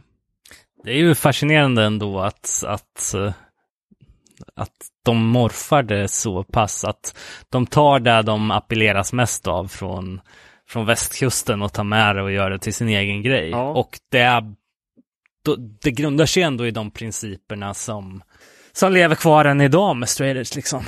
Och som anammas av folk över hela världen. Så. Ja, men det, det, det är jävligt intressant liksom. Vad det var som lockade dem till att vara nyktra. Jag vet, Henry Rollins till exempel kom ifrån liksom en våldsam alkoholiserad farsa. Vad, vad som var drivkraften liksom. För att jämt när de snackar om det här, liksom de absolut tidigaste dagarna av den, det som skulle bli straight edge-scenen så var liksom att det, var en icke-fråga. Vi, vi hade, det var ingen som var, var peppad i alla fall, så att det, det var liksom inget problem i början. Eh, jag, jag tänkte på det här också med att eh, Eh, när vi pratar om det här privilegiet och möjligheten att släppa saker fysiskt och sådär. Eh, efter eh, Minor Disturbance så kom ju SOA med sin No Policy. Och jag kunde läsa till mig att Henry Garfield blev bankrutt när de skulle ta och spela in den här EPn. Ja, men precis. Henry då, som... Alltså han var ju... State of Alert bildades ju ett annat band som var The Extorts. Som var samma uppsättning, det vill säga Wendell, Wendell Blow på bas, Michael Hampton gitarr, Simon Jacobson på trummor. Eh, Extorts-sångaren Lyle Preslar. som sp- spelade en, de spelade en spelning under namnet The Extorts. Eh, Lyle vet du vart han tog vägen. Eh, men han ersattes i alla fall av Henry Garfield, eh, senare Rollins, som var fem år äldre än de övriga. Eh, och som var en jävligt viktig del i scenen redan, även fast han inte hade något band. Han var liksom, ja men, alltid där, längst fram, morsade hårdast, han var Teen Idols roadie och sådär. Eh, och han betalade själv för hela inspelningen eh, med sin lön som han fick från Hagendas glassbar. Just det. Eh, och han ville att det här skulle släppas under Discord-flagg, fast det var han som hade gett ut det, för att det skulle bli en grej. Och bandet var starkt influerat av engelska band som främst The Damned, men också The Jam och Ruts och Sham 69. Och eh, sjuan eh, inspelad i Inner Ear Studios, där Teen Idols hade varit och spelat in sin platta, eh, tillsammans med Jeff Groff som, eh, som eh, producent. Och eh, Don Ciatara som var studietekniker som hade studion. Eh, och Don hade gett Teen Idols studietiden gratis för att spela in sin skiva. Och det här paret kommer ju att vara inblandade i nästan alla Discord-släpp där efteråt. Inner Ear har ju en eh, ganska rolig katalog av producerade plattor. Allt från eh, hardcore punk till liksom allt möjligt. Okej. Ehm, liksom, ehm, ja men eh, Johnny Cochran till exempel och eh, ja, det är allt möjligt. Sa de inte att typ, eh, de som spelade in det skrattade åt dem? Det kanske var på demon. Ja, jag vet inte. Och typ att det kom andra band till studion och typ, ja, det var det sämsta det de hört. Typ Men det- skratta, hur fan kan ni lägga tid på det här? Ja, för att jag menar, eh, studion är också alltså väldigt välrenommerad, spelar in liksom Foo Fighters och allt möjligt. Ja, men, ja det, det var en riktig studio då, redan då. Det var där Pentagram hade spelat in. Och, Eh, ja, ja, men jag, jag, jag tänker att liksom Skip, att han, Men, vet- ja, att han vad fan, jag läste, över de här kidsen och lät dem hållas. Mm. var det verkligen en riktig studio? Vad var det de pratade om att de du vet, spelade in i källare och hade dragit ut sladdarna utanför huset? Ja, och typ men att i spela och in, för det kanske var, Ja, jag har också hört att det, att det var hemma hos han, Don Sinatara, men eh, det är möjligt att det var en riktig studio, alltså punk-riktig. Mm, mm. Eh, eh, State of Alert, SOS spelar även in en demo som de säger efteråt att det var helt onödigt. För det är i princip samma låtar, eh, men att det var så man gjorde. Eh, man gjorde liksom en förproduktion innan man gick in i studion. Mm. Eh, men i och med att de var på sån jävla level 0 så var det ju helt onödigt att ta, ta så här fin maner som typ en, en riktig ensemble skulle ha Nej men precis, och det, det reflekteras ju även i låtarna på den här EPn, eh, No Policy-EPn, att i jämförelse med mycket annat som släpptes då på Inner Ear, eh, eller spelades in på Inner Ear, ska jag säga. Eh, det här är ju, vad är det, 11-12 minuter av totala käftsmällar liksom. Eh, jag tycker Och- sången är jävligt bra. det är också meningen att det ska vara. Ja, men absolut. Ja, nu har de ju tagit med sig vi tar ingen skit-attityd och det syns i texterna. Jag tycker att den här sjuan är, det är, min, är fan min favorit.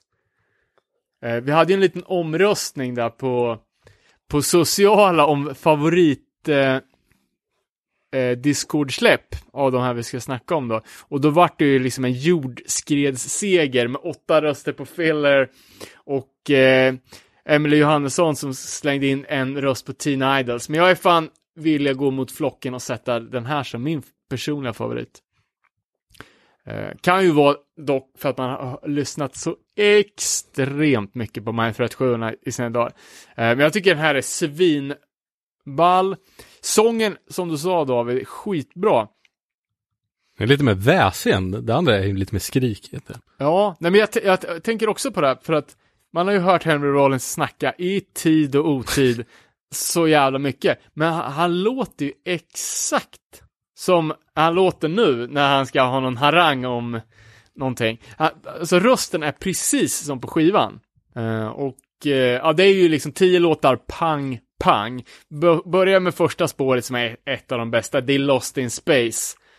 Som handlar om, eh, ja men det är en anti, antidroglåt liksom. Mm. Och eh, den är ju alltså ännu mer uttalat anti-drugs än vad Teen Idols liksom lite omskrivningar för eh, avhållsamhet på den sidan. Nej, men det, det är ju, jag tycker den är, ja, den är, är så jävla bra. Rå som fan och sen liksom nästan, alltså stamtrummor. Eh, och sen att sången och trummorna ligger i fokus och att liksom crunch-gitarrerna li- ligger liksom lite längre bak i mixen. Gonna have to fight är väl största hitten. Eh, ja, jag vet inte fan vilken, vilken, och det, det är, jag kan inte säga att det är någon direkt, ja, men ingen hit. så, Nej, men- Det är liksom en, en, ski, en sjua som, ja men eh, exakt, det är ingen hit som, som, som sticker ut, tror jag inte. Eh, den enda låten som, som skiljer sig lite, det är ju Public Defender, eh, som är, är fan min favorit, som är lite mer åt, alltså, det är lite midtempo oj, eh, snarare än klapp-klapp US hardcore.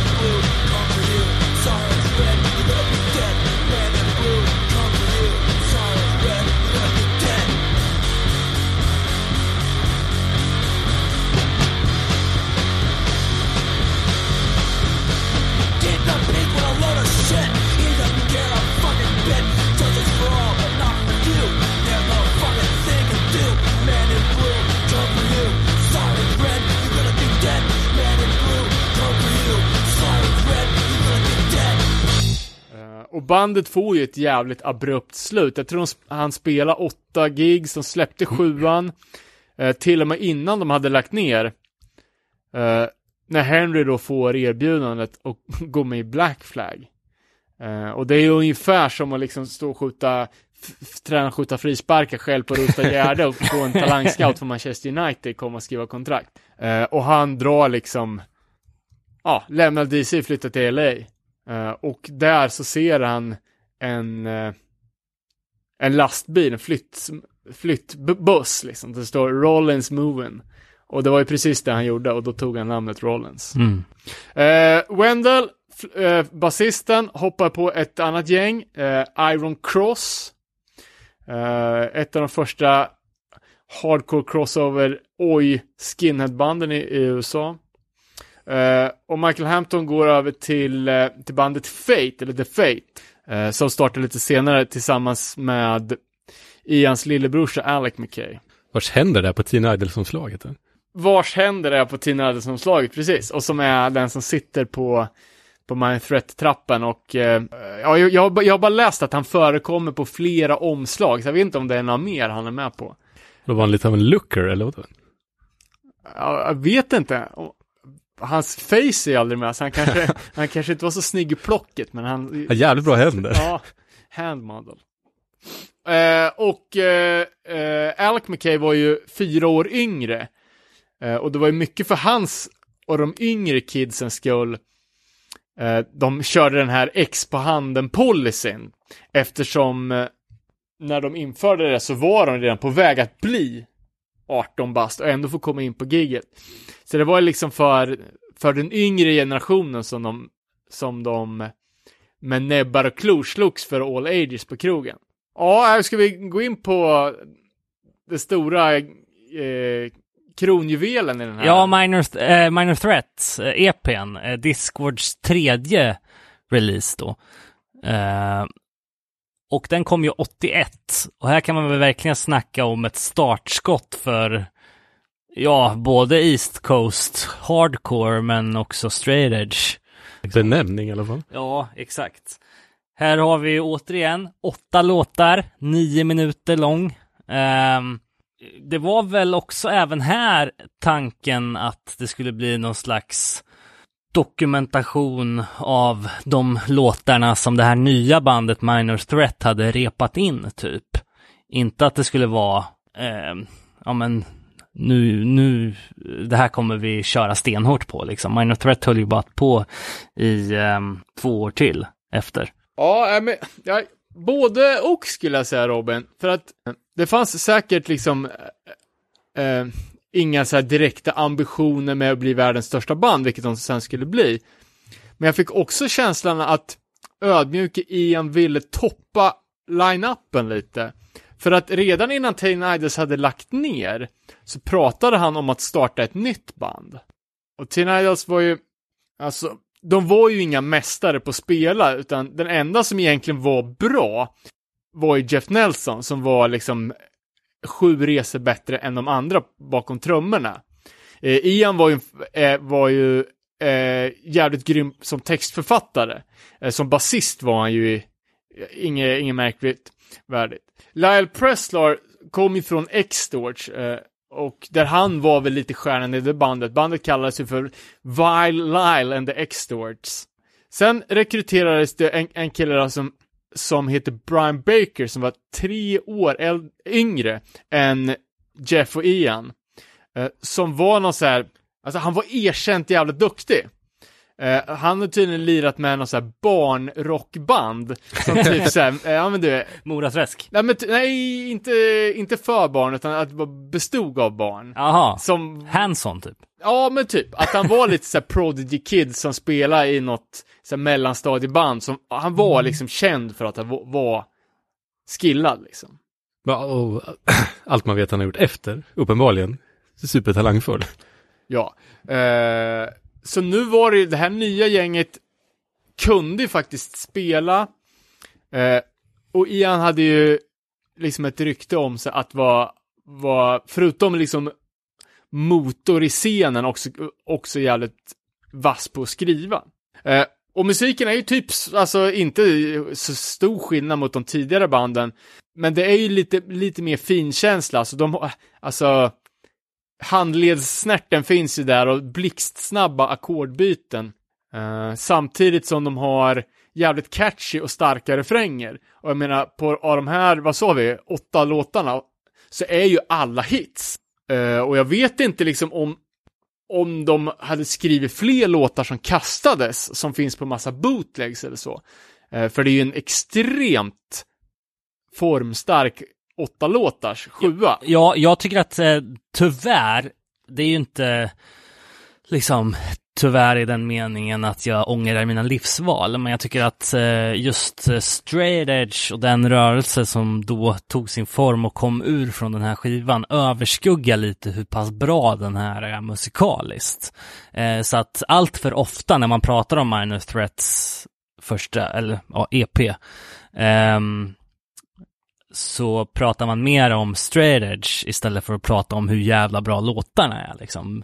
Ehm, men det är väl eh, i- helt i linje med More Than Music liksom. Eh, Men ehm, nej, det, det finns ju ingenting, det skulle vara Black Flag då kanske, som är lika jävla eh, bra som det här från den tiden.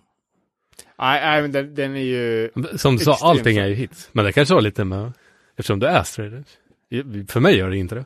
Nej. Som inte är straight edge. Nej, Fast det är fortfarande go-to-låten. Alltså om du skulle göra en gallup på vilken är den kändaste låten från Filler 7 så skulle de flesta säga den. Skulle jag gissa på. Jag tycker, ja. Eller Minus Threat-låten. Ja.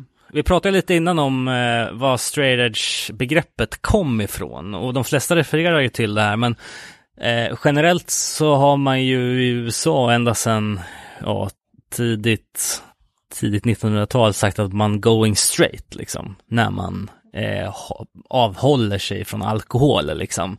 Men det var väl just det här med att eh, göra någonting av det som en rörelse, alltså att ta det till sin spets, sin edge, straight Ja. edge, som föddes efter den här plattan. Eh, Ja, Nu- men precis. Nu är det ju jävla spekulationer, men har inte han sagt att han inte ville att det skulle vara en rörelse? Jag tror, äh, äh, inte att han inte ville att det skulle Men bli, att det var fanns inte inget målet. avsett, att, att, det bara, att det bara blev så att det var att det var en, en låt av åtta. mm, exakt. Eh, och jag har läst andra, nu är det ju visserligen från, från Ba- Brian Baker som eh, var väl den som, som droppade först i det här gänget. Han sa i alla fall att det fanns absolut ingen, ja men My Threat var inte ett straight edge band. Vi, vi, eh, vi, vi söp inte, vi knarkade inte, men det hade liksom av, ja, det var av olika anledningar egentligen. Eh, och att tre av bandets 26 låtar handlar om den grejen och att det har fått lite för stort fokus. Eh, och sen liksom att andra eh, har liksom lagt ihop exet som egentligen inte hade någonting med nykterhet att göra. Exet handlar ju om, om att underåriga skulle få komma in på spelställen. Eh, och när Teen Idols hade det på omslaget så handlade det inte om att det var för att de var nyktra, utan det var ju för att de var stolta unga. Eh, och att, de har, att andra har lagt ihop ett plus ett och fått tre. Ett färdigt koncept med låten Straight Edge eh, och då symbolen som de hade och då fått liksom ihop den här rörelsen. Och att egentligen skulle liksom kanske var Bostonbanden som var de första banden som var ett straight edge band. Men alltså, ja, massa personer har ju uttalat sig och motsägelsefullt och det finns ju hur många olika ta- tankar som helst om det här.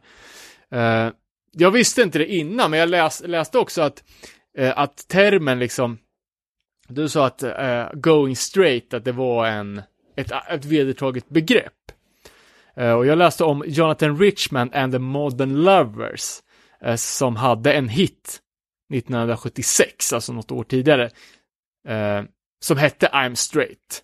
Och som handlar liksom om att, ja, att han ska, inte ska ta kokain som alla andra. Mm. Men är det inte så att vara straight är att vara lite in order?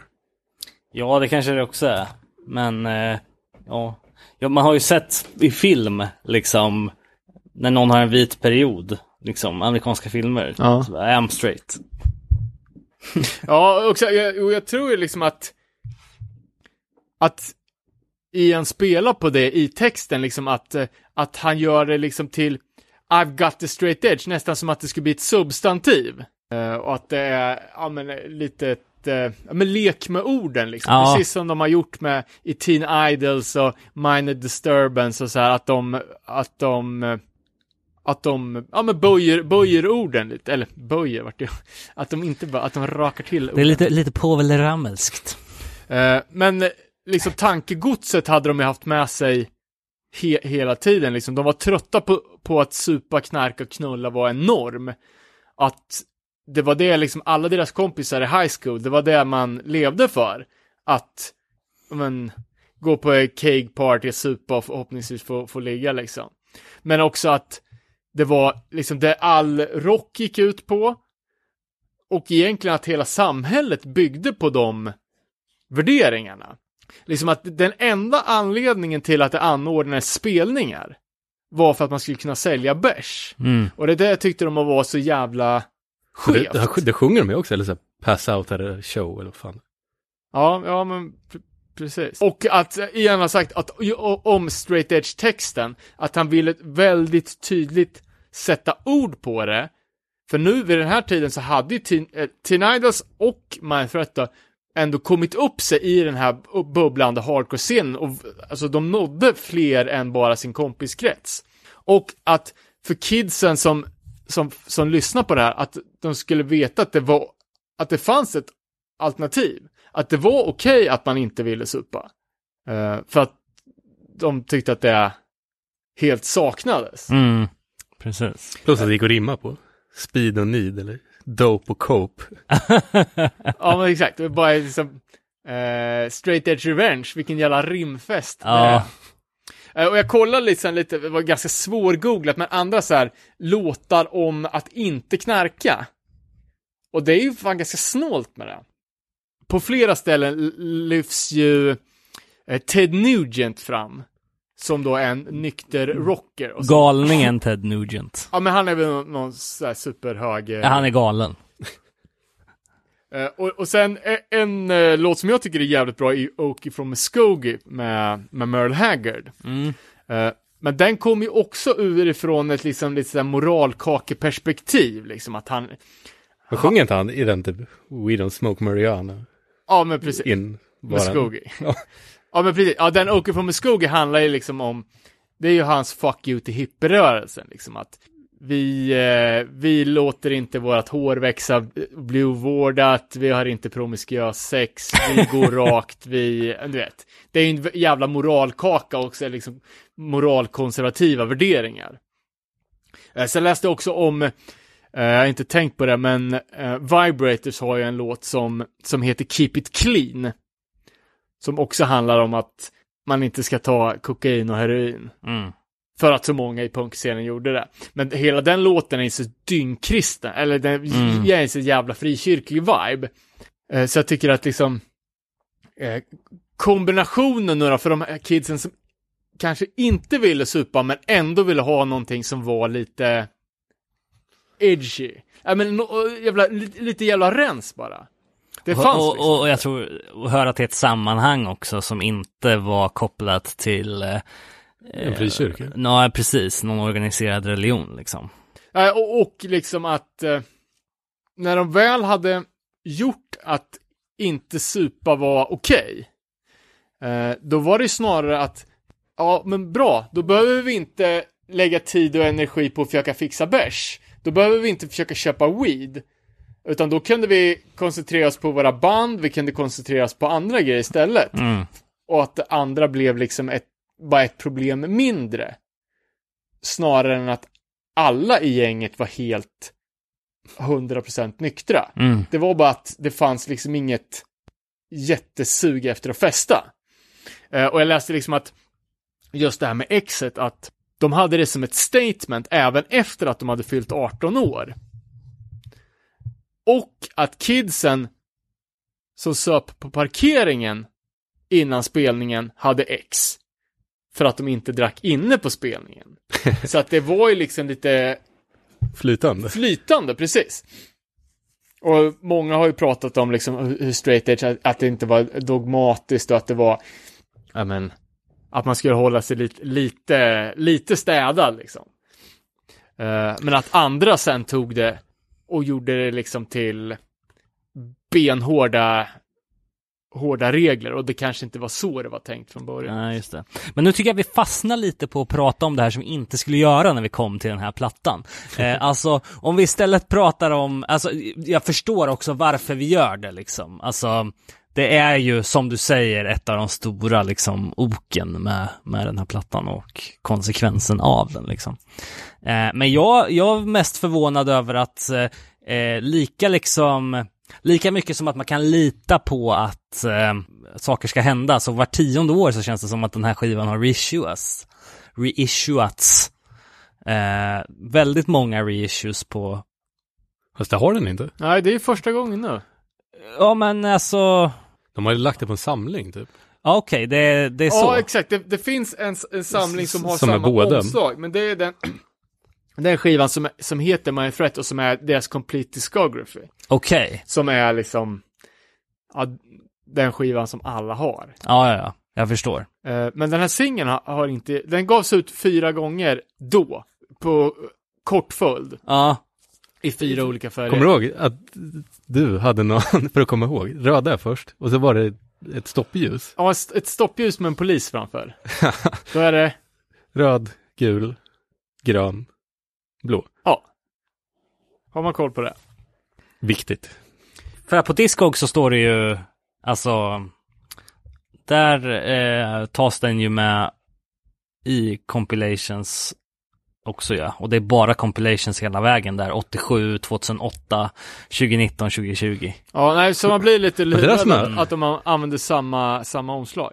Jag förstår. Men, men på Discogs heter den ju Filler. I den här boxen heter den ju inte det.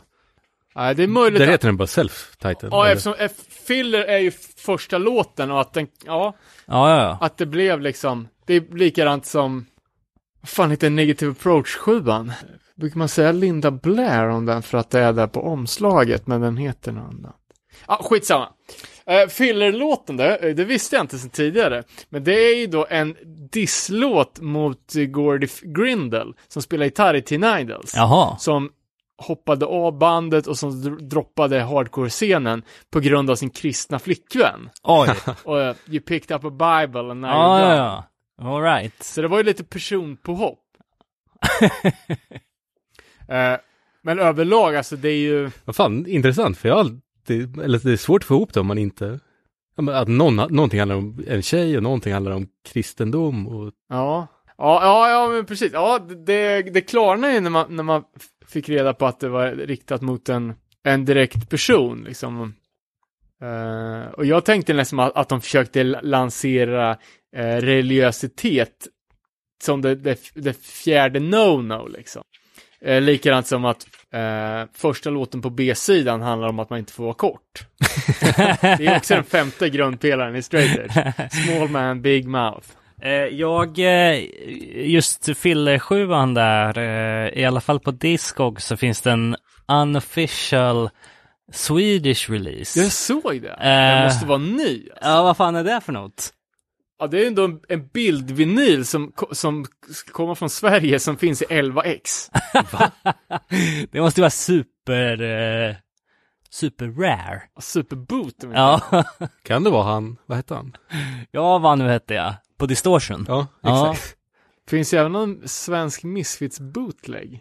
Jaha, Det här får vi ju gräva det låter som ett specialavsnitt. Vad fan, det känns som här live in Sweden-grejer. Ja. Mm. Psychos in Sweden från Hultsfred. Den har man ju, tyvärr. ja, men alltså, ja, det, är, det är bara bra låtar och det är ju ett... Så, ja, de är ju jävligt aggro. Verkligen. Det tycker jag utmärker dem från mycket annat liksom, alltså fortfarande. Det är aggressivt, det är liksom, det är också, alltså, undra, det skulle vara kul att prata med någon som, som lyssnar på den här skivan när den kom. Liksom, för nu tar man ju ändå till sig den med bakgrund av allt som har hänt liksom. Och vad straight edge blev och sådär liksom. Men hur reagerar, finns det någon recension från 81 på den här liksom? Det skulle man ju vilja läsa i så fall. Ja, du tänker du på svenska eller på amerikanska? Ja, på amerikanska. Det var väl inte så att Maximum Rock'n'Roll gick in och... för fan. Ja, De har ju det här köpt det här är- med den, den här är recen- recenserad i alla. Ja, okej. Eh, men vi pratar väl om att de massmedia senare huvudtvättfolket hade, jag vet inte om de distrade den, men de hade i alla fall de Okej. här skivorna när de kom. Så det fanns ju i, Sver- i Sverige också. Men det är svårt, vet man, eller som, vet man när man köper singeln att det här är en klassiker om 40 år? Hur, hur tar man emot den när man inte har några liksom förutfattade meningar? Verkligen. Eh, för jag, jag upplevde ju liksom det här bandet som helylle PMA supersnälla killar ända tills för några år sedan när, man, när det började komma lite mer skrivet om det. Och Mm. att de var lite QQ-jocks och att de var liksom våldsamma. Jag, jag, Mm. jag fick inte ihop det bara. Jag trodde att de var, ja, att de hade lammet på omslaget för att de var fromma som lamm liksom. Eh, Ja, samma... som du säger, det är jävligt mycket kopplat till det som är svårt att se bort ifrån. Ja, och plus för att i princip man har lyssnat på den här skivan sen man själv kom in på hardcore så att det är liksom så jävla inrotat. Mer på året 1981 då. Government issue. Eh, Legless Bull.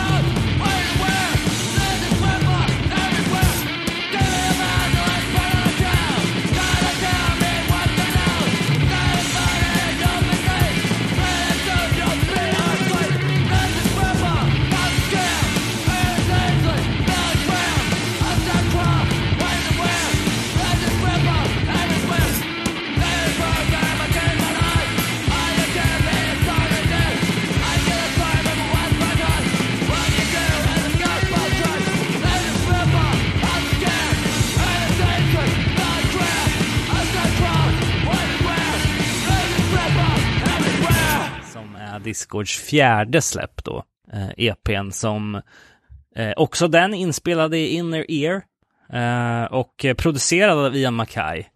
Eh, även där. Tycker inte att han har gjort ett asbra jobb om man ska vara helt eh, Vi kan ju också bara passa på att slänga ut att My Threat lägger ju faktiskt ner här. Just det. I september 81, återigen en viktig medlem ska flytta för att gå på college och det är Lyle Preslar. Eh, och bandet My Threat som är på jävla uppgång och har startat lite av ett moment lägger ner. Eh, och eh, Brian Baker går över till bandet Government Issue. Och Jeff och Ian startar ett sidoprojekt som heter Skewball eller Grand Union. Men Government Issue då. Frontat av eh, John Stab från bandet som hette The Stab. Jävligt hårt bandnamn. Eh, han heter väl Schröder annars, som så många andra. Eh, det här tycker jag är ju den, den som är minst bra. Eh, skrikig sång på ett ganska onajst sätt och ja, gitarrerna är jävligt röriga, lite halvkonstigt spelade.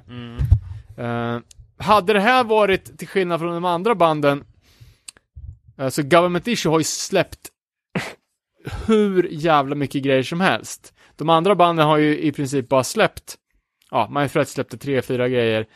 Eh, men de andra har ju bara gjort en sak.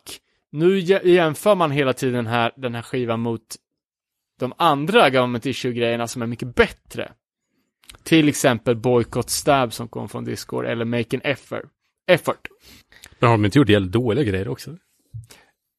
Ja, alltså, de har gjort en lite musikalisk resa. Från supersnabbt och skrikigt till lite mer melodiöst får man, eller liksom lite mer fingertoppskänsla hardcore.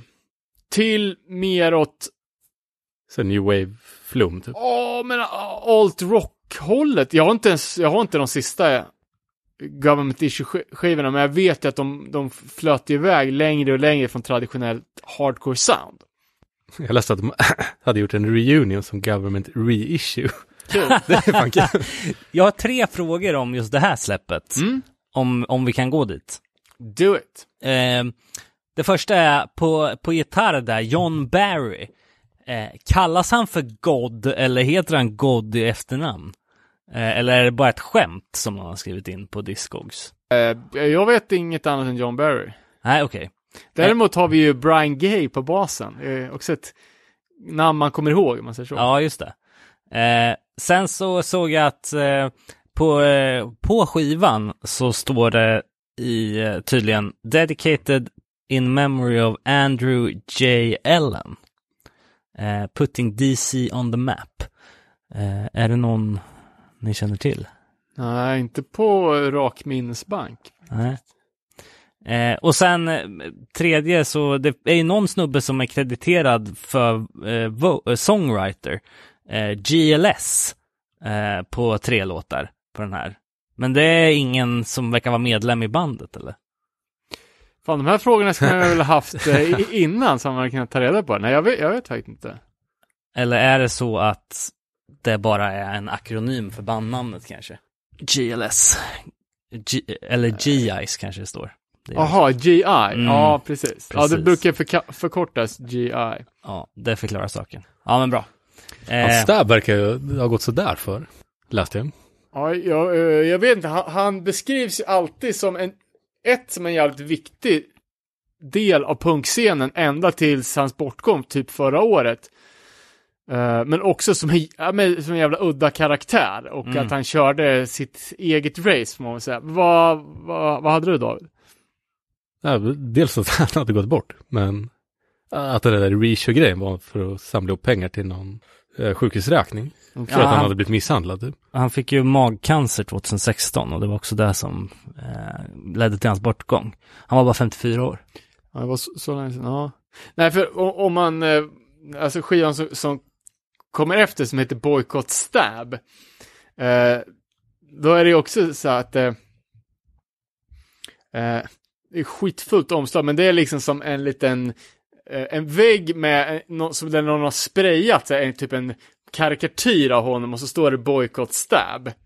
Eh, och så tyckte de det var kul och så hade de det på skivomslaget. Sen har det bara kommit fram att, att han hade typ beställt den graffen. Så att det var inte någon som spon- hade spontandissat honom, utan eh, ja. Att han liksom beställde en diss för att kunna göra sig lustig över att någon hade dissat honom. Just det. Eh, och apropå dissar då, deras kändaste låt, eller i alla fall den överlägset mest spelade på Spotify, är ju Rock'n'Roll Bullshit. Som, ja det börjar ju med ett jävla radioteater-intro där de liksom, ja men dissar rockstars on drugs liksom. Men också pissar på, ja men de tidigare punkhjältarna liksom. I used to listen to Clash, now they suck like all the trash, the Ramones used to be a hit, now they're just a pile of shit. Jävla bra rhymes ändå. alltså. Ja, och, och, och, och i låten Anarchy's Dead så ger de ju också pisset på, eh, på Crass. Och jag, jag tycker det är någonting som är så jävla osympatiskt när man ska hålla på och dissa andra band. Alltså speciellt i, i, i liksom i, i så här klarspråk. Det, Och det, sen liksom framtiden utvisar ju faktiskt att ja, de, de pissar på The Clash för att de gick ifrån det traditionella punksoundet. Government Issue, två plattor in så kör ju de allt alternativ rock. Sen läste jag, och nu, blir- nu blir det pissa på Government Issue-podden här, men skitsamma. Eh, sen läste, läste jag eh, en platta som jag, som jag inte har, eh, men som, eh, som är ändå, ändå en av deras klassiker, och det är skivan You. Eh, och den tycker jag ser ganska ofta folk liksom tycker, ja bara, för fan den här är så jävla fet. Sen så läste jag bara lite så här undertext, bara, ja den här låten handlar om John Stabs relation with an underaged girl. Ooh. Wow, wow. Bara okej, ja, och sen eh, så kollade jag bara, han var 26 år när den här skivan kom ut. Men det bara, ja, 87, då var det liksom, det var inget konstigt att man, att man var, kunde vara 26 och ha en minderårig flickvän. Det var typ så här. Ja, ja, Klart man ska skriva en fullängdare om det förhållandet. Shit. Men det är ju också så här. Det är inte smickrande. Nej. Har du den här på original? Det är det fan den enda som är typ affordable. Nej, den har jag tyvärr inte.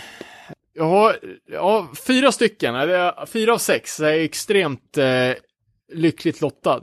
Eh, bara som, som snabbt inflik på, på Teen Idols 7 så, så var det ju eh, en av mitt livs bästa chansningar.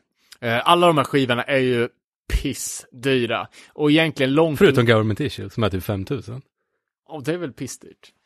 Eh, Oj, ja. det är Allt är relativt. det är fortfarande utanför min budget. Och sen en dag då så dyker, eh, visserligen då andra pressen, men från, eh, från 1981 till Idols 7 upp på Discog. Eh, och då har den ju då sämsta graderingen, det vill säga good på både omslag och vinyl. Och det är liksom, alltså, det, jag skulle kunna teoretiskt sett köpa den, så, så Mm. billig var den. Och så vet man, man vet ju hur mycket man stör sig på liksom dåligt, dåligt skick på grejer, ska inte skivan gå och spela, vet hur råttet är det? Och jag bara sitter där och bara, jag vet det, nu måste jag, jag måste ju handla snabbt för den här kommer, i vilket fall så kommer den ju ryka liksom. Fan. Ja, du måste berätta vad den kostar. Jag tror den kostar 1600. Eh, vilket är en, Jätte, jävla, jätte, jättebilligt. en jävla rabatt. Eh, och så bara, vad fan ska jag göra, vad ska jag göra liksom? Men så, oh, nej, fan, jag, jag slår till liksom. Jag kommer aldrig ha råd att köpa den här till fullpris i alla fall, så skitsamma liksom. Då får, då, det är bättre att ja, man vet ju aldrig liksom. Eh, och Discog säger så att det finns ju liksom, det är ju en schablonbild för varje släpp, så du har ju ingen aning vad, vad säljaren tycker är good och, eller vad som är. Alltså, det, har, det, det kan ju, du kan ju få hem vad fan som helst. Men jag gjorde ändå den chansningen. Eh, och bolla lite konvo, eh, konversation med säljaren. Och eh, han hör av sig igen, bara åh tyvärr, du, nu, nu, jag såg inte det förut, men det är ett namn skrivet på omslaget. Åh, det här blir bara sämre och sämre, så han bara, du, du får ju absolut dra, dra dig ur liksom. Eh, och beror bara, på vilket namn det var, eller? Oh, jag, jag kommer inte ihåg vad fan det stod. Men det är jävligt diskret. Alltså, hade, jag, hade fan inte sett det om jag inte, om jag inte hade blivit påmind om det. Liksom. Eh, så, men då, då börjar han liksom så här, du får ju dra dig ur om du vill. Liksom. Eh, men så går jag, ja, jag genomför köpet i alla fall och får hem skivan och Eh, då är det liksom, skiv... dels är det det här namnet som är skrivet med jävligt små, små bokstäver, men det är ju ändå ett skrivet namn på omslaget, vilket är big no-no. Mm. Men så är det liksom tejpat med så här, ja men, vanlig sån kontorstejp runt. För är det någonting eh, Ian McKay har pratat mycket om är det hur han handlimmat alla omslag. Så även det här då. Eh, och det är ju supervanligt att limmet efter 40 år börjar släppa på de här plattorna. Så då är det, var det någon, något geni då som har eh, tejpat ihop det med vanlig kontorstejp. Men den där jävla kontorstejpen var gick skitbra att ta av. Lämna inga märken. Och vinylen som var graderad G, vilket ska vara liksom soptunna. jag, jag ser inte ett fel, alltså, den ser ta fan ny ut. Åh fan. Så det är liksom bara, alltså du vet, det här händer inte. Eh, Nej, bra. så, Så det är en solskenshistoria från mitt liv. Ja men fan vad härligt med lite solskenshistorier ibland. Limmar du ihop den sen eller? Eller har du den? Jag har den olimmad. Mm. Men eh, alltså, limma ihop den kan man väl göra om, om man... Vad är den värd då, rent, eh, alltså om du hade varit pristine condition liksom? Vi pratar aldrig om pengar. Nej, jag, jag vet inte, alltså nu har ju priserna spårat. Jag vet inte om reissuen av den här Discord-boxen kommer göra att det blir ännu dyrare eller att det kommer Ja. bli ännu billigare. Liksom, tiden är ur led. Det går inte att...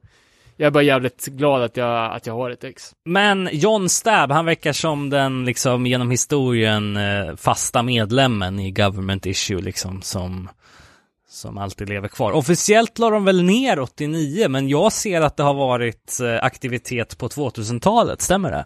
Eh, ja, jag, jag, att 2003 säger mig någonting att de, att de gjorde en eh, government reissue. Men jag tror att de var aktiva ända till, till, till, till slutet faktiskt. Och Mm. då med, med Stab som enda konstanta medlem. Men att eh, någon mer har varit trotjänare, men det är bara han som har varit liksom eh, från dag ett till, till slut. Men eh, ba, ba, bara för att lätta upp liksom pissfesten på Government Issue så att de har ju jävligt många bra releaser i katalog och att den här skivan blir lite hårdare dömd i och med att de blir bättre sen.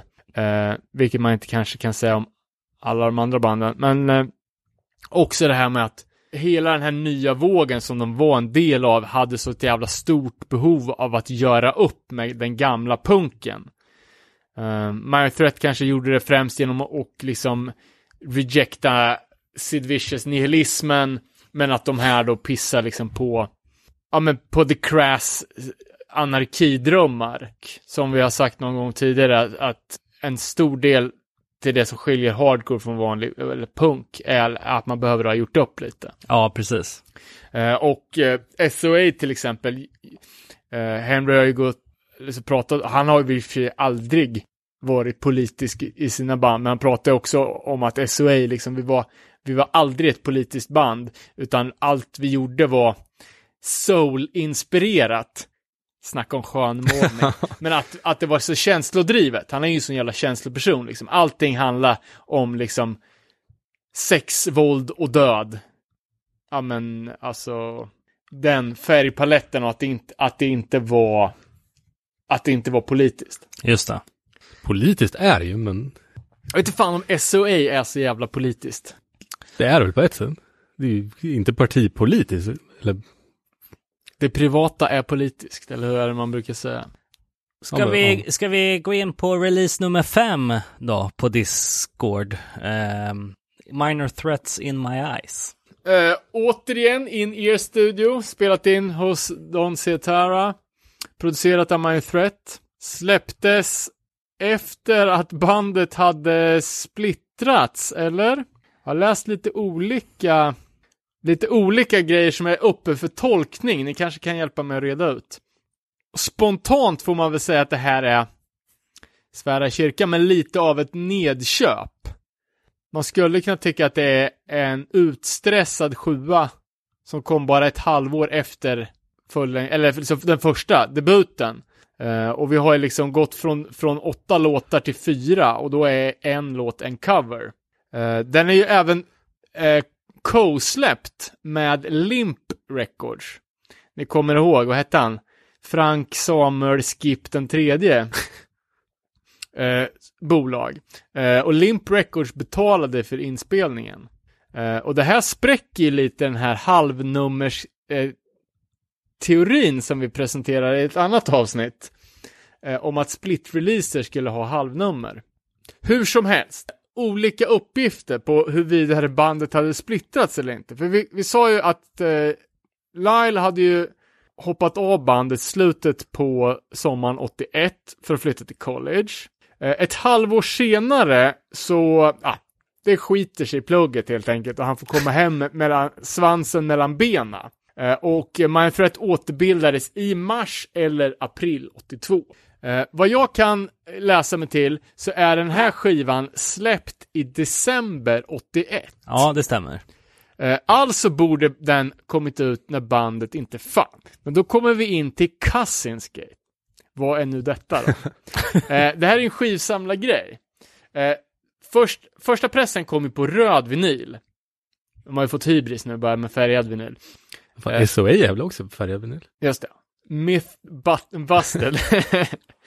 eh, hur som helst. Eh, de, de, de första... Dock, temat när det är färgad vinyl, det är att någon annan betalar. Myth confirmed.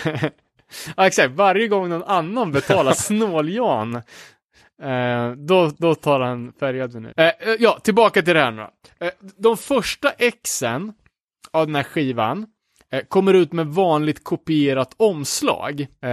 Där det på, på baksidan är ett eh, stavfel. Eh, det står Gary Cousins, som är, är krediterad till något, om det är foto eller vad fan det kan vara. Eh, men han heter egentligen bara Cousin. Så därför brukar den här felpressen, eller fel, alltså omslagen med den här felstavningen kallas för Cousins sleeve. Och då står det så här att de här omslagen gjordes inför en spelning för att, eh, för att eh, det de vanliga omslagen inte var klara än. Men då vet vi att Mindthreat skulle inte återbildas på fyra månader än. Så vad är anledningen till att de finns? Om Eller, eller haft- gjorde de 125x för någon annans spelning? Det, så, det kanske var så. Det var någon annan spelning de, som var jätteviktig.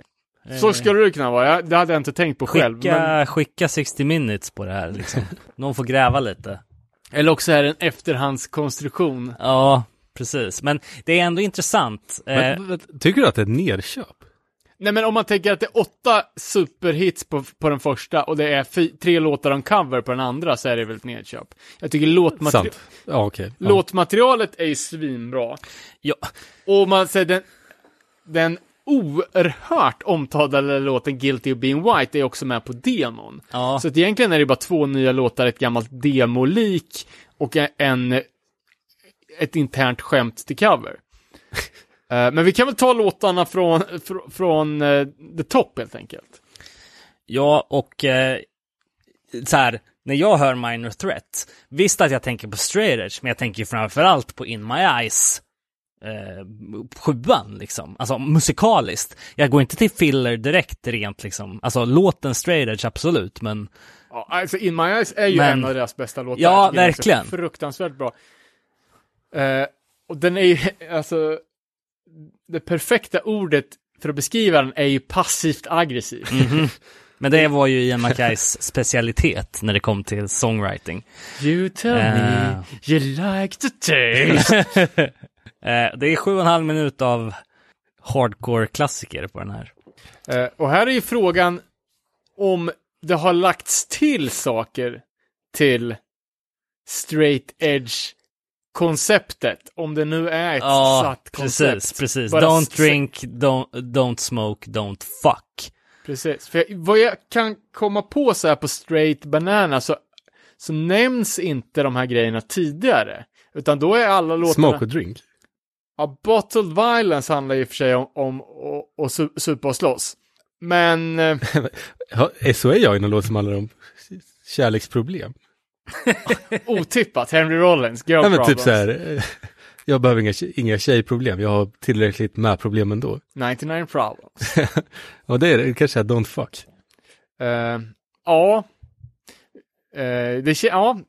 Och, nej men det, det känns som att, att eh, Eh, Ian börjar eh, addera lite. Jag vet inte. Eh, eftersom till exempel Lost in Space handlar ju uttryckligen om, om intagandet av olika droger och likadant Straight Edge-låten är ju bara sniffing glue och lubes och, eller vad fan, ludes. Och, eh, och eh, nämner väl inte supa eller röka. Vad vet jag? Autostep-låten som också är en av en av deras bästa orsakar viss kontrovers inom bandet. Eh, där Jeff och Ian var, var lite oense. Eh, Det var för mycket preaching. väldigt mycket pekpinne. Vem, vem tyckte det var det här? Eh, Jeff tyckte att, att låten var alldeles för mycket pekpinne, eller texten. Eh, och när, när den spelades in på LPn Autostep eh, så, så ändrade de texten till, eh, ja de strök, eller de la till I don't drink, I don't smoke. Istället för pekpinne, don't drink, don't smoke, don't fuck. Jeff Nelson var ju garanter- eh, ganska upprörd över att det här lades till, har jag hört. Att, eh, för, för eh, han sa till Ian att så här, kan vi inte ändra texten till I don't smoke, I don't drink, I don't fuck. Eh, men eh, Mackay vägrar liksom. Och eh, Nelson blir helt så här galen då bara, ja men du kanske inte gör det här, men jag kanske kommer vilja göra det här liksom. Och eh, Ians svar på det var att gå upp en våning och sparka ett hål i Nelsons dörr. Men som du sa, att de la till det på. Eh, Men jag tycker alltså låten, det är ju ett super-jag-perspektiv i den låten. Men det är ju det är ett typexempel på saker som får stora proportioner. Liksom, det här var en, en låt av ett punkband, alltså i bästa fall sälja eh, sälja sjuan till sina kompisar och sen helt plötsligt så blir de liksom omskrivna i varenda fanzines. Det startas en hel rörelse med folk som anammar deras budskap och liksom tar det på mer än blodigt allvar. Så jag förstår att det, att det kanske blir lite svettningar från, från Jeff att de inte vill eh, ett, måla in sig i något hörn. Jag menar, Ian är ju textförfattaren och de andra måste leva upp till det budskap som han som han säger liksom, på skivan. Och sen att de inte ville vara så preachy. och det här kanske var eh, liksom halmstrået som eh, knäckte jag kan inte översätta den där. the straw that broke the camel's back. Eh, alltså om han då redan hade skrivit Guilty of being white och sen så kom han med den här låten och Nelson fick nog liksom. Det är lätt att se det 2021 Ja, ögon, då är det Absolut. ju dumt. Men, men då, då kanske det inte var det, men Ja, nej men alltså, jag, jag lyssnade på End on End-podden när de pratade om den här skivan och tog väldigt mycket fokus på, på den här låten. Tycker det nästan lite för mycket eh, rabalder. För jag menar, Men om, de om han är 19 och gör, de gör det här i 1000x, då är det väl inte så jävla genomtänkt? nej men också det är ju ett solklart brist på helhetsperspektiv. Som Men- inte fanns på den där tiden. Men det är ju bara liksom eh, ett, och Ian säger det bara, eh, det var 90% svarta i mitt junior high, jag var en minoritet och jag är urless på att folk hade förutfattade meningar om mig. Eh, på grund av min hudfärg. Det här är såklart antirasistisk låt. Eh, sen att den inte har det holistiska perspektivet och kan se att bara, ah, jo men eh, att okej, nu vart det li- lite, lite jobbigt för dig, men på det, i, det stora, i det stora hela så det, det motsatta som är det, det riktiga problemet. Men ja, kan man kräva det av en, av en 19-åring? Jag vet inte. Men om man pratar om den sista låten där, eh, eh, Ja, vi, vi skiter vi har väl pratat om den här låten förut. den sista låten på den här eh, skivan. eh, Där kan vi snacka filler. Ja, Stepping Stone. Ja, alltså, eh, SOA har ju också spelat in den här låten. Vad Och- är det ens en cover på?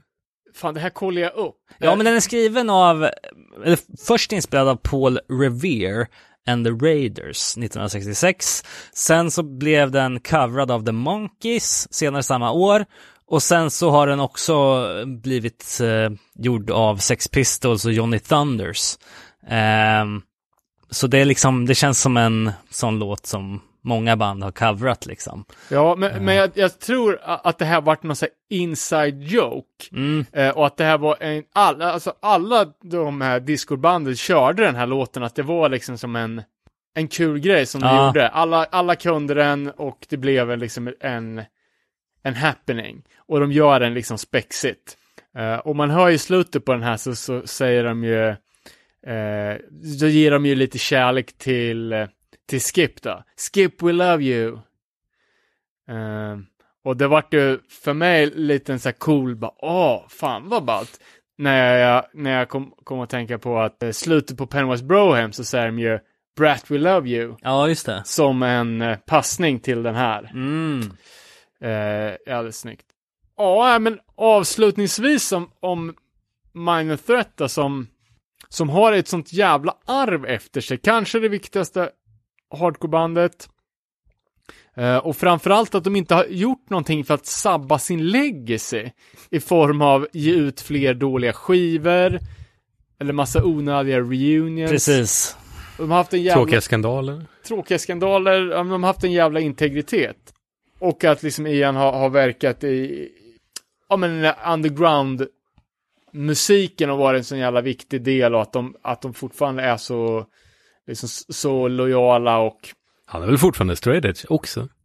och det är nog en, en viktig del också att, eh, att han i alla fall håller, håller i och kan hållas ansvarig för, för, för sina ord även 2021. Inga liksom eh, Italien-trippar som sabbar där inte. Vad fan, det var Jutus och dig. Men, Men eh, vem har tid att dricka när du ska vara med i varenda dokumentär som görs i hela världen? boom. Eh, jag, tycker, jag tycker också att eh, man måste ju säga att Minor Threat som band har ju gjort några av de bästa hardcore-låtarna som någonsin har spelats in. Det är ju inget snack om den saken. Så att det, jag, jag, jag tycker att för hardcore, så är Minor Threat är för hardcore vad Black, Black Sabbath är för rock'n'roll liksom. Stora ord, men eh, ja, jag är, beredd att- Man brukar alltid säga så här, ja men, du vet man ska visa hardcore för någon som inte fattar det. Eller vet vad det är. Minor Threat är ju typ där man spelar. Ja, Eller Gorilla Biscuit. Ja, nej men och det är, det är ju ett av de första banden, så, tror jag, eller som, som folk utanför hardcore också kanske känner till. Kommer en Minor Threat-tröja på en Kardashians. ja precis. Ja, men apropå tröjor också, det, eh, det var ju jävligt otippat att eh, under sin livslängd eh, så gjorde de bara en tröja. Mhm. De gjorde en, en t-shirt med My Threat-loggan i gult. That's it. Men har inte Discord någon grej att de inte gör merch? Tydligen. Eh, det vet jag inte. Men det är också Jag, jag tror det. någon sån här dum idealism liksom. Jag menar det, snacka om att hålla på guldpåsen liksom. Det skulle ju gå mer än, eh, vad heter de där jävla, eh, det där märket som släpper kofötter och, Supreme. ja, det skulle bli liksom Supreme-nivåer på, på försäljningen om de börjar göra merch. Nej, för Mindthreat turnerar ju och de var ju liksom ett av de största redan medan de fanns och spelade ju liksom, alltså det var ju, de headliner ju framför liksom riktigt, eh, liksom, ja men Circle Jerks eller, eller så här. Eh, och sen att de inte gjorde merch av någon sorts idealism. Eh, och eh, en gång till har det gjorts en, en, en My Threat-tröja med, med koppling till bandet. Allt annat är liksom boots. Och det var Jeff Nelson som gjorde, när han hade ett, han heter det där bol- Han hade ett bolag i alla fall. Och gjorde My Threat-tröja med Adult Swim tror jag. Exakt. Eh, en My Threat-tröja med, med grön logo och fåret. Den som också Public Enemy har på det här klassiska fotot. Det är de enda två officiella My Threat-mercharna som finns. Ska vi gå vidare till eh, det sjätte och sista släppet i dagens avsnitt då? Eh, Youth Brigade. Possible. Eh, kortlivat band, fanns från december 80 till november 81. Och precis som Teen Idol så kom den här skivan ut efter att banden hade lagt ner. Mm. Eh, och det ser man också på att inserten är i form av en gravsten. Just det. Eh, här eh, har jag en fråga som, som eh, ni förmodligen kan förklara för mig. Eh, jag har läst att eh, den här den här EPn pressades i tusen kopior. Yes. Och att det var en lyric insert i skivan. Gravstenen, yes. Eh, men att den var i vissa kopior utskuren i någon slags speciell shape. Gravsten. Ja, okej, det är det som är, ja men Ja. liksom. Ja, exakt. Det finns med, med fyrkantigt papper och vissa har de klippt runt. Ja, okej, okej. Eh, är de mer värda än de som inte är klippta? Det vet jag faktiskt inte. Ja, Jag, vet, jag tror inte det finns någon sån statistik på de olika. Bara för att gissa. De or orkar väl 200, så bara, Det här är inte skit kul. i det här. Exakt, vad fan har vi tagit oss till? Ja. there, done that. Nej, men det var, det var en liten, eh, men den är också inspelad i eh, Inner Ear, va? Ja, jag vet inte faktiskt. Engineered at står det i alla fall. Ehm, Då så. Du, har du diagrammet med alla medlemmar eller? Eh, nej, men jag kan slå upp det här. Eh, Maximum rock, Rock'n'Roll skrev i alla fall om den här plattan eh, i juli 82. Eh, a fantastic group with a chunkier sound and a slightly slower trash attack than minor threat. Och de, de gav ju överlag den här EPn jävligt mycket cred. Ja, nej men den är jävligt bra och det är ju det i särklass mest underskattade bandet av av de här vi har pratat om. Eh, uh, Mind Threat som, som giganter, Teen Idols för att det var tidiga Mind Threat, State of Alert för Henry Rollins och Government Issue som, som ja, har släppt så jävla mycket. Uh, så säger de här liksom lite underdogs som bara gjorde en demo uh, som senare släpptes på vinyl, ascool, men också den här sjuan som var deras enda släpp.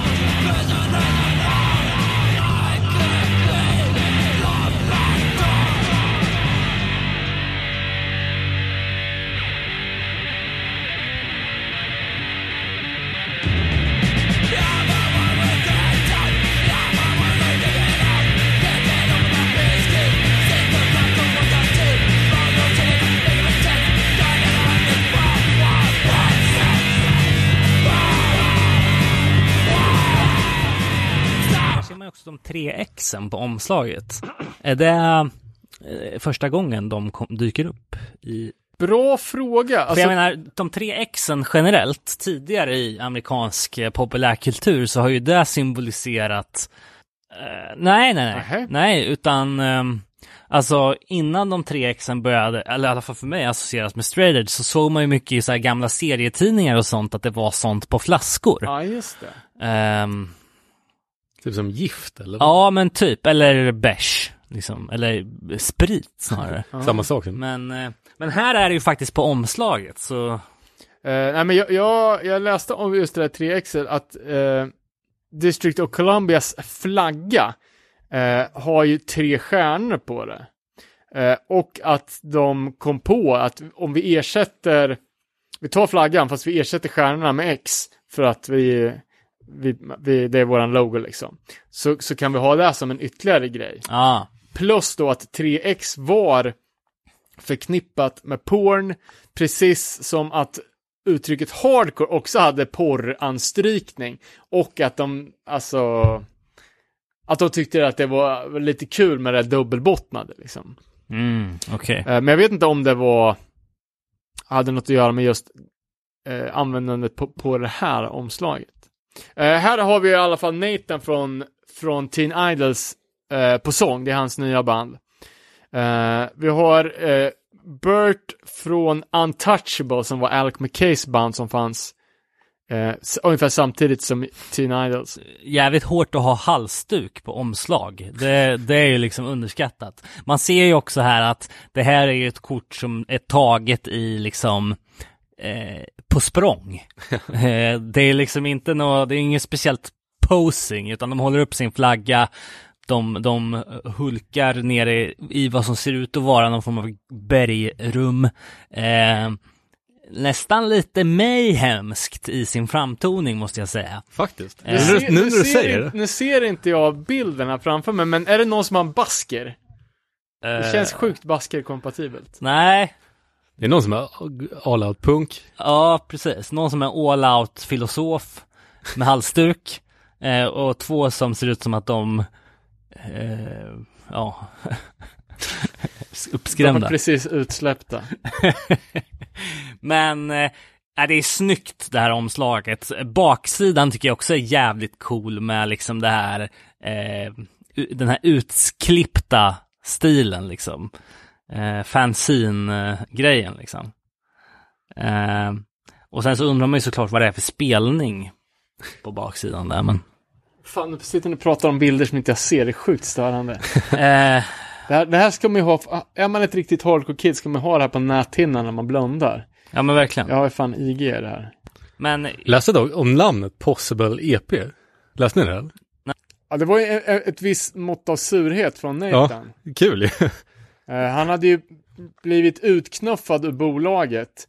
Det här kan ju vara en efterhandskonstruktion. Jag tycker sådana här saker dyker upp lite titt som tätt. Men att han var väl inte riktigt på samma våglängd som Jeff och Ian var. Rent liksom tankemässigt. Och när han hade lämnat 100x av Teen Idols 7 på en kokhet motorhuv så att de hade pajat. Då, det var liksom, vad sa vi, kamelryggsstråt. ja, och han vart typ, inte kickad från bolag, men de liksom slutade svara när han ringde. Och det var liksom inte riktigt en självklarhet att Youth Brigade skulle få släppa på Discord. Ja, och, ja, och så var det en annons där det stod Possible Youth Brigade EP coming. ja okej. Och att han typ surnar till och bara, ja, nu ska den heta Possible då. Eh, Men om, om man kollar på den här, eh, eller om man kollar på den, om man lyssnar på den så är det ju, det är ju en jävla känga. Jag tycker den är extremt bra. Den är hård som fan. Så riktig negative approach-vibb. Uh, eh, och jag vet inte, negative approach 7 är ju snäppet senare, så det är ju snarare en eh, inspiration till, till, eh, till dem.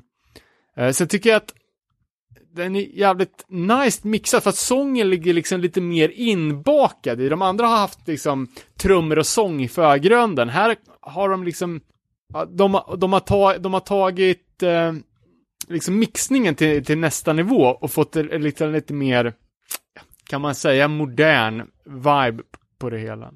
Och jag tror de, de flesta av oss hörde nog en cover på den här först innan de hörde den riktiga sjuan. Så var det för mig i alla fall. Eh, och det var ju när Side by Side gjorde It's about time we have a change på ah, den här LPn som, som eh, och även Alone in a Crowd gjorde ju Government Issue Cover med Teenagers in a Box. Eh, så man märker att de här tidiga Discord-släppen var en sjukt stor inspiration till den lite senare 80-tals new hardcore-vågen som eh, hade mer, eller som, som träffar mig mycket tidigare än, än Discord-grejerna som är liksom ja, har plockat ihop, plockat upp förhållandevis sent i min punkkarriär.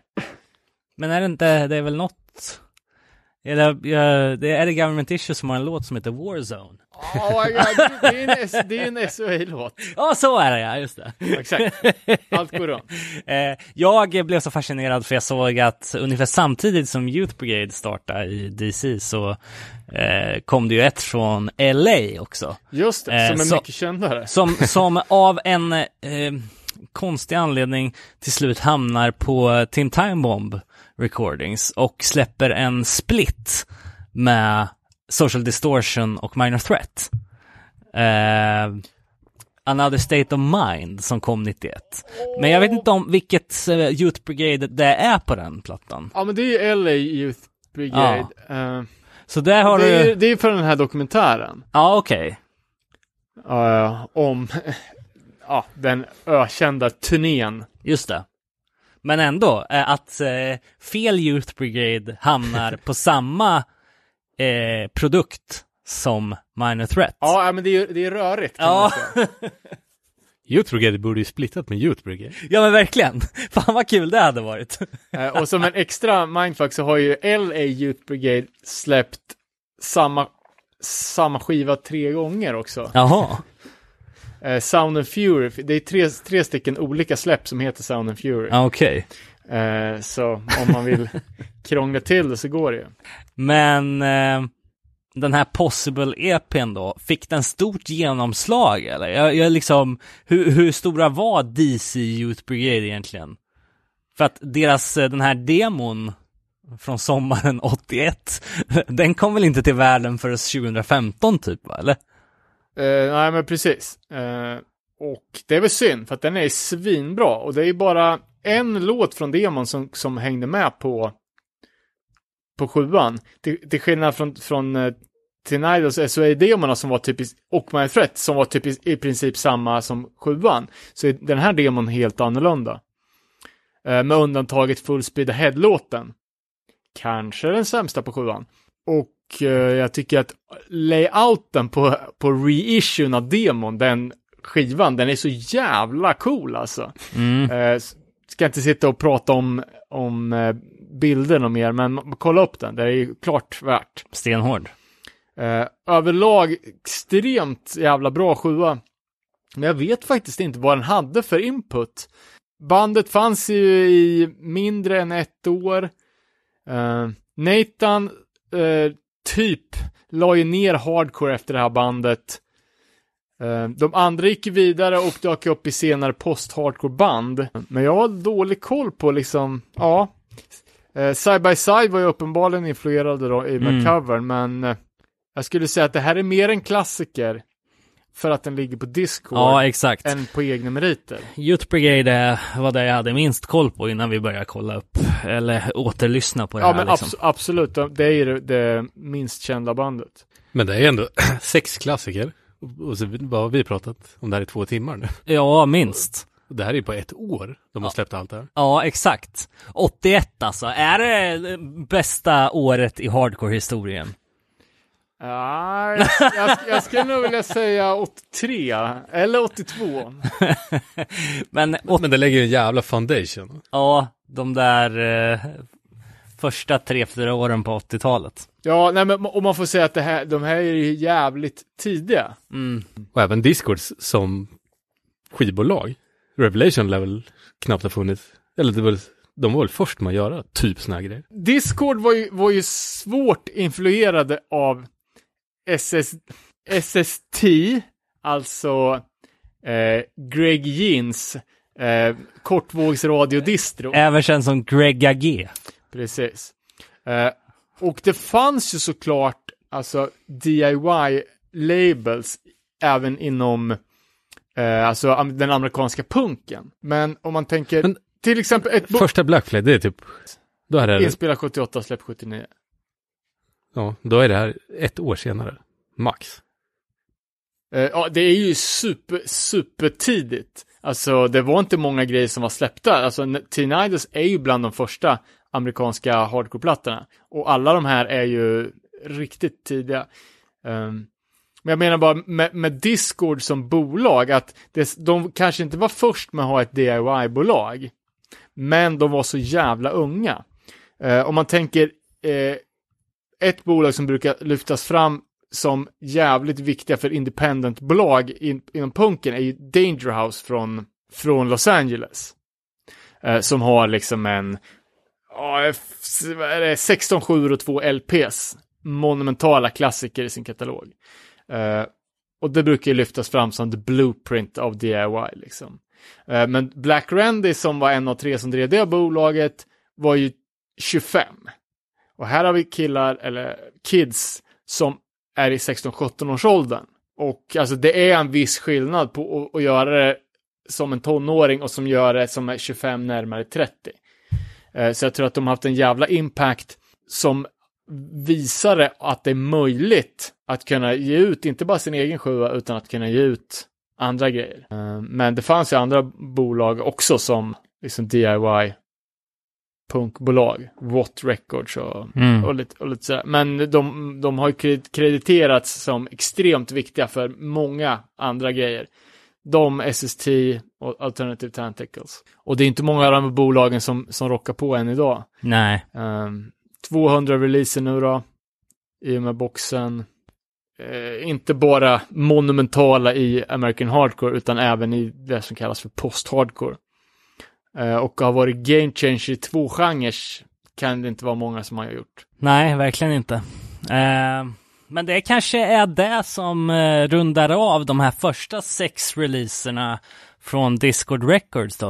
Eh, vi, eh, vi kommer Det fortsätta... var 194 kvar nu. Ja, exakt. Vi får fortsätta gräva i, eh, i den här backkatalogen av släpp eh, framöver.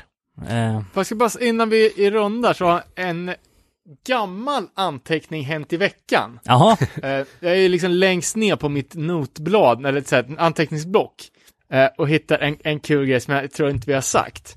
Eh, hänt i veckan. Kommer ni ihåg bandet Bayside? ja, Victory Records som så här emo va? precis. Bayside-CD såld för 4000 dollar. Helvete. Shit. Bara, bara, en, bara en sån grej, helt utan uppföljning. Kul anteckning från 2016. Ja, jävlar. Eh, vi får väl kolla upp vad den ligger på idag. 40 000 för en CD. Ja. Eh, det är återigen då ett tecken på att skänk inte bort era CD-skivor. Nej, förlåt David, jag måste sluta mobba dig nu. Eh, men det har varit ett eh, jävla nöje här att sitta och snacka Discord. Eh, vi laddar om batterierna, återkommer igen om eh, några veckor igen. Vi får se vad det blir för tema då. Tills dess, håll koll för vi har, ni som är med i vinylklubben, det är två feta släpp på gång här. Maj och juni. Eh, och eh, i övrigt, ni vet att ni kan kolla in oss på Instagram, där heter vi att. Vi finns på Facebook, nere på noll podcast. Vi har en eftersnacksgrupp där också, nere på noll podcast eftersnack. Eh, men direkta meddelanden skickas med fördel till nerepanol at gmail.com. Vi har en parlor. För Ja. det osensurerade eftersnacket. Precis. Nej, det inte. Nej men bra, Jag vet inte ens vad parlor är. Nej, inte jag heller. Är det, Det- typ eh, Onlyfans eller? Nej, men det är ju så nazi-Facebook. Jaha, okej. På riktigt. Ja, men det om det. Vi, eh, vi tackar för idag. Sjukt kul att vara samlade alla tre här nu efter fan så länge. Ja, verkligen. Ha det bra hörni, så hörs nästa gång.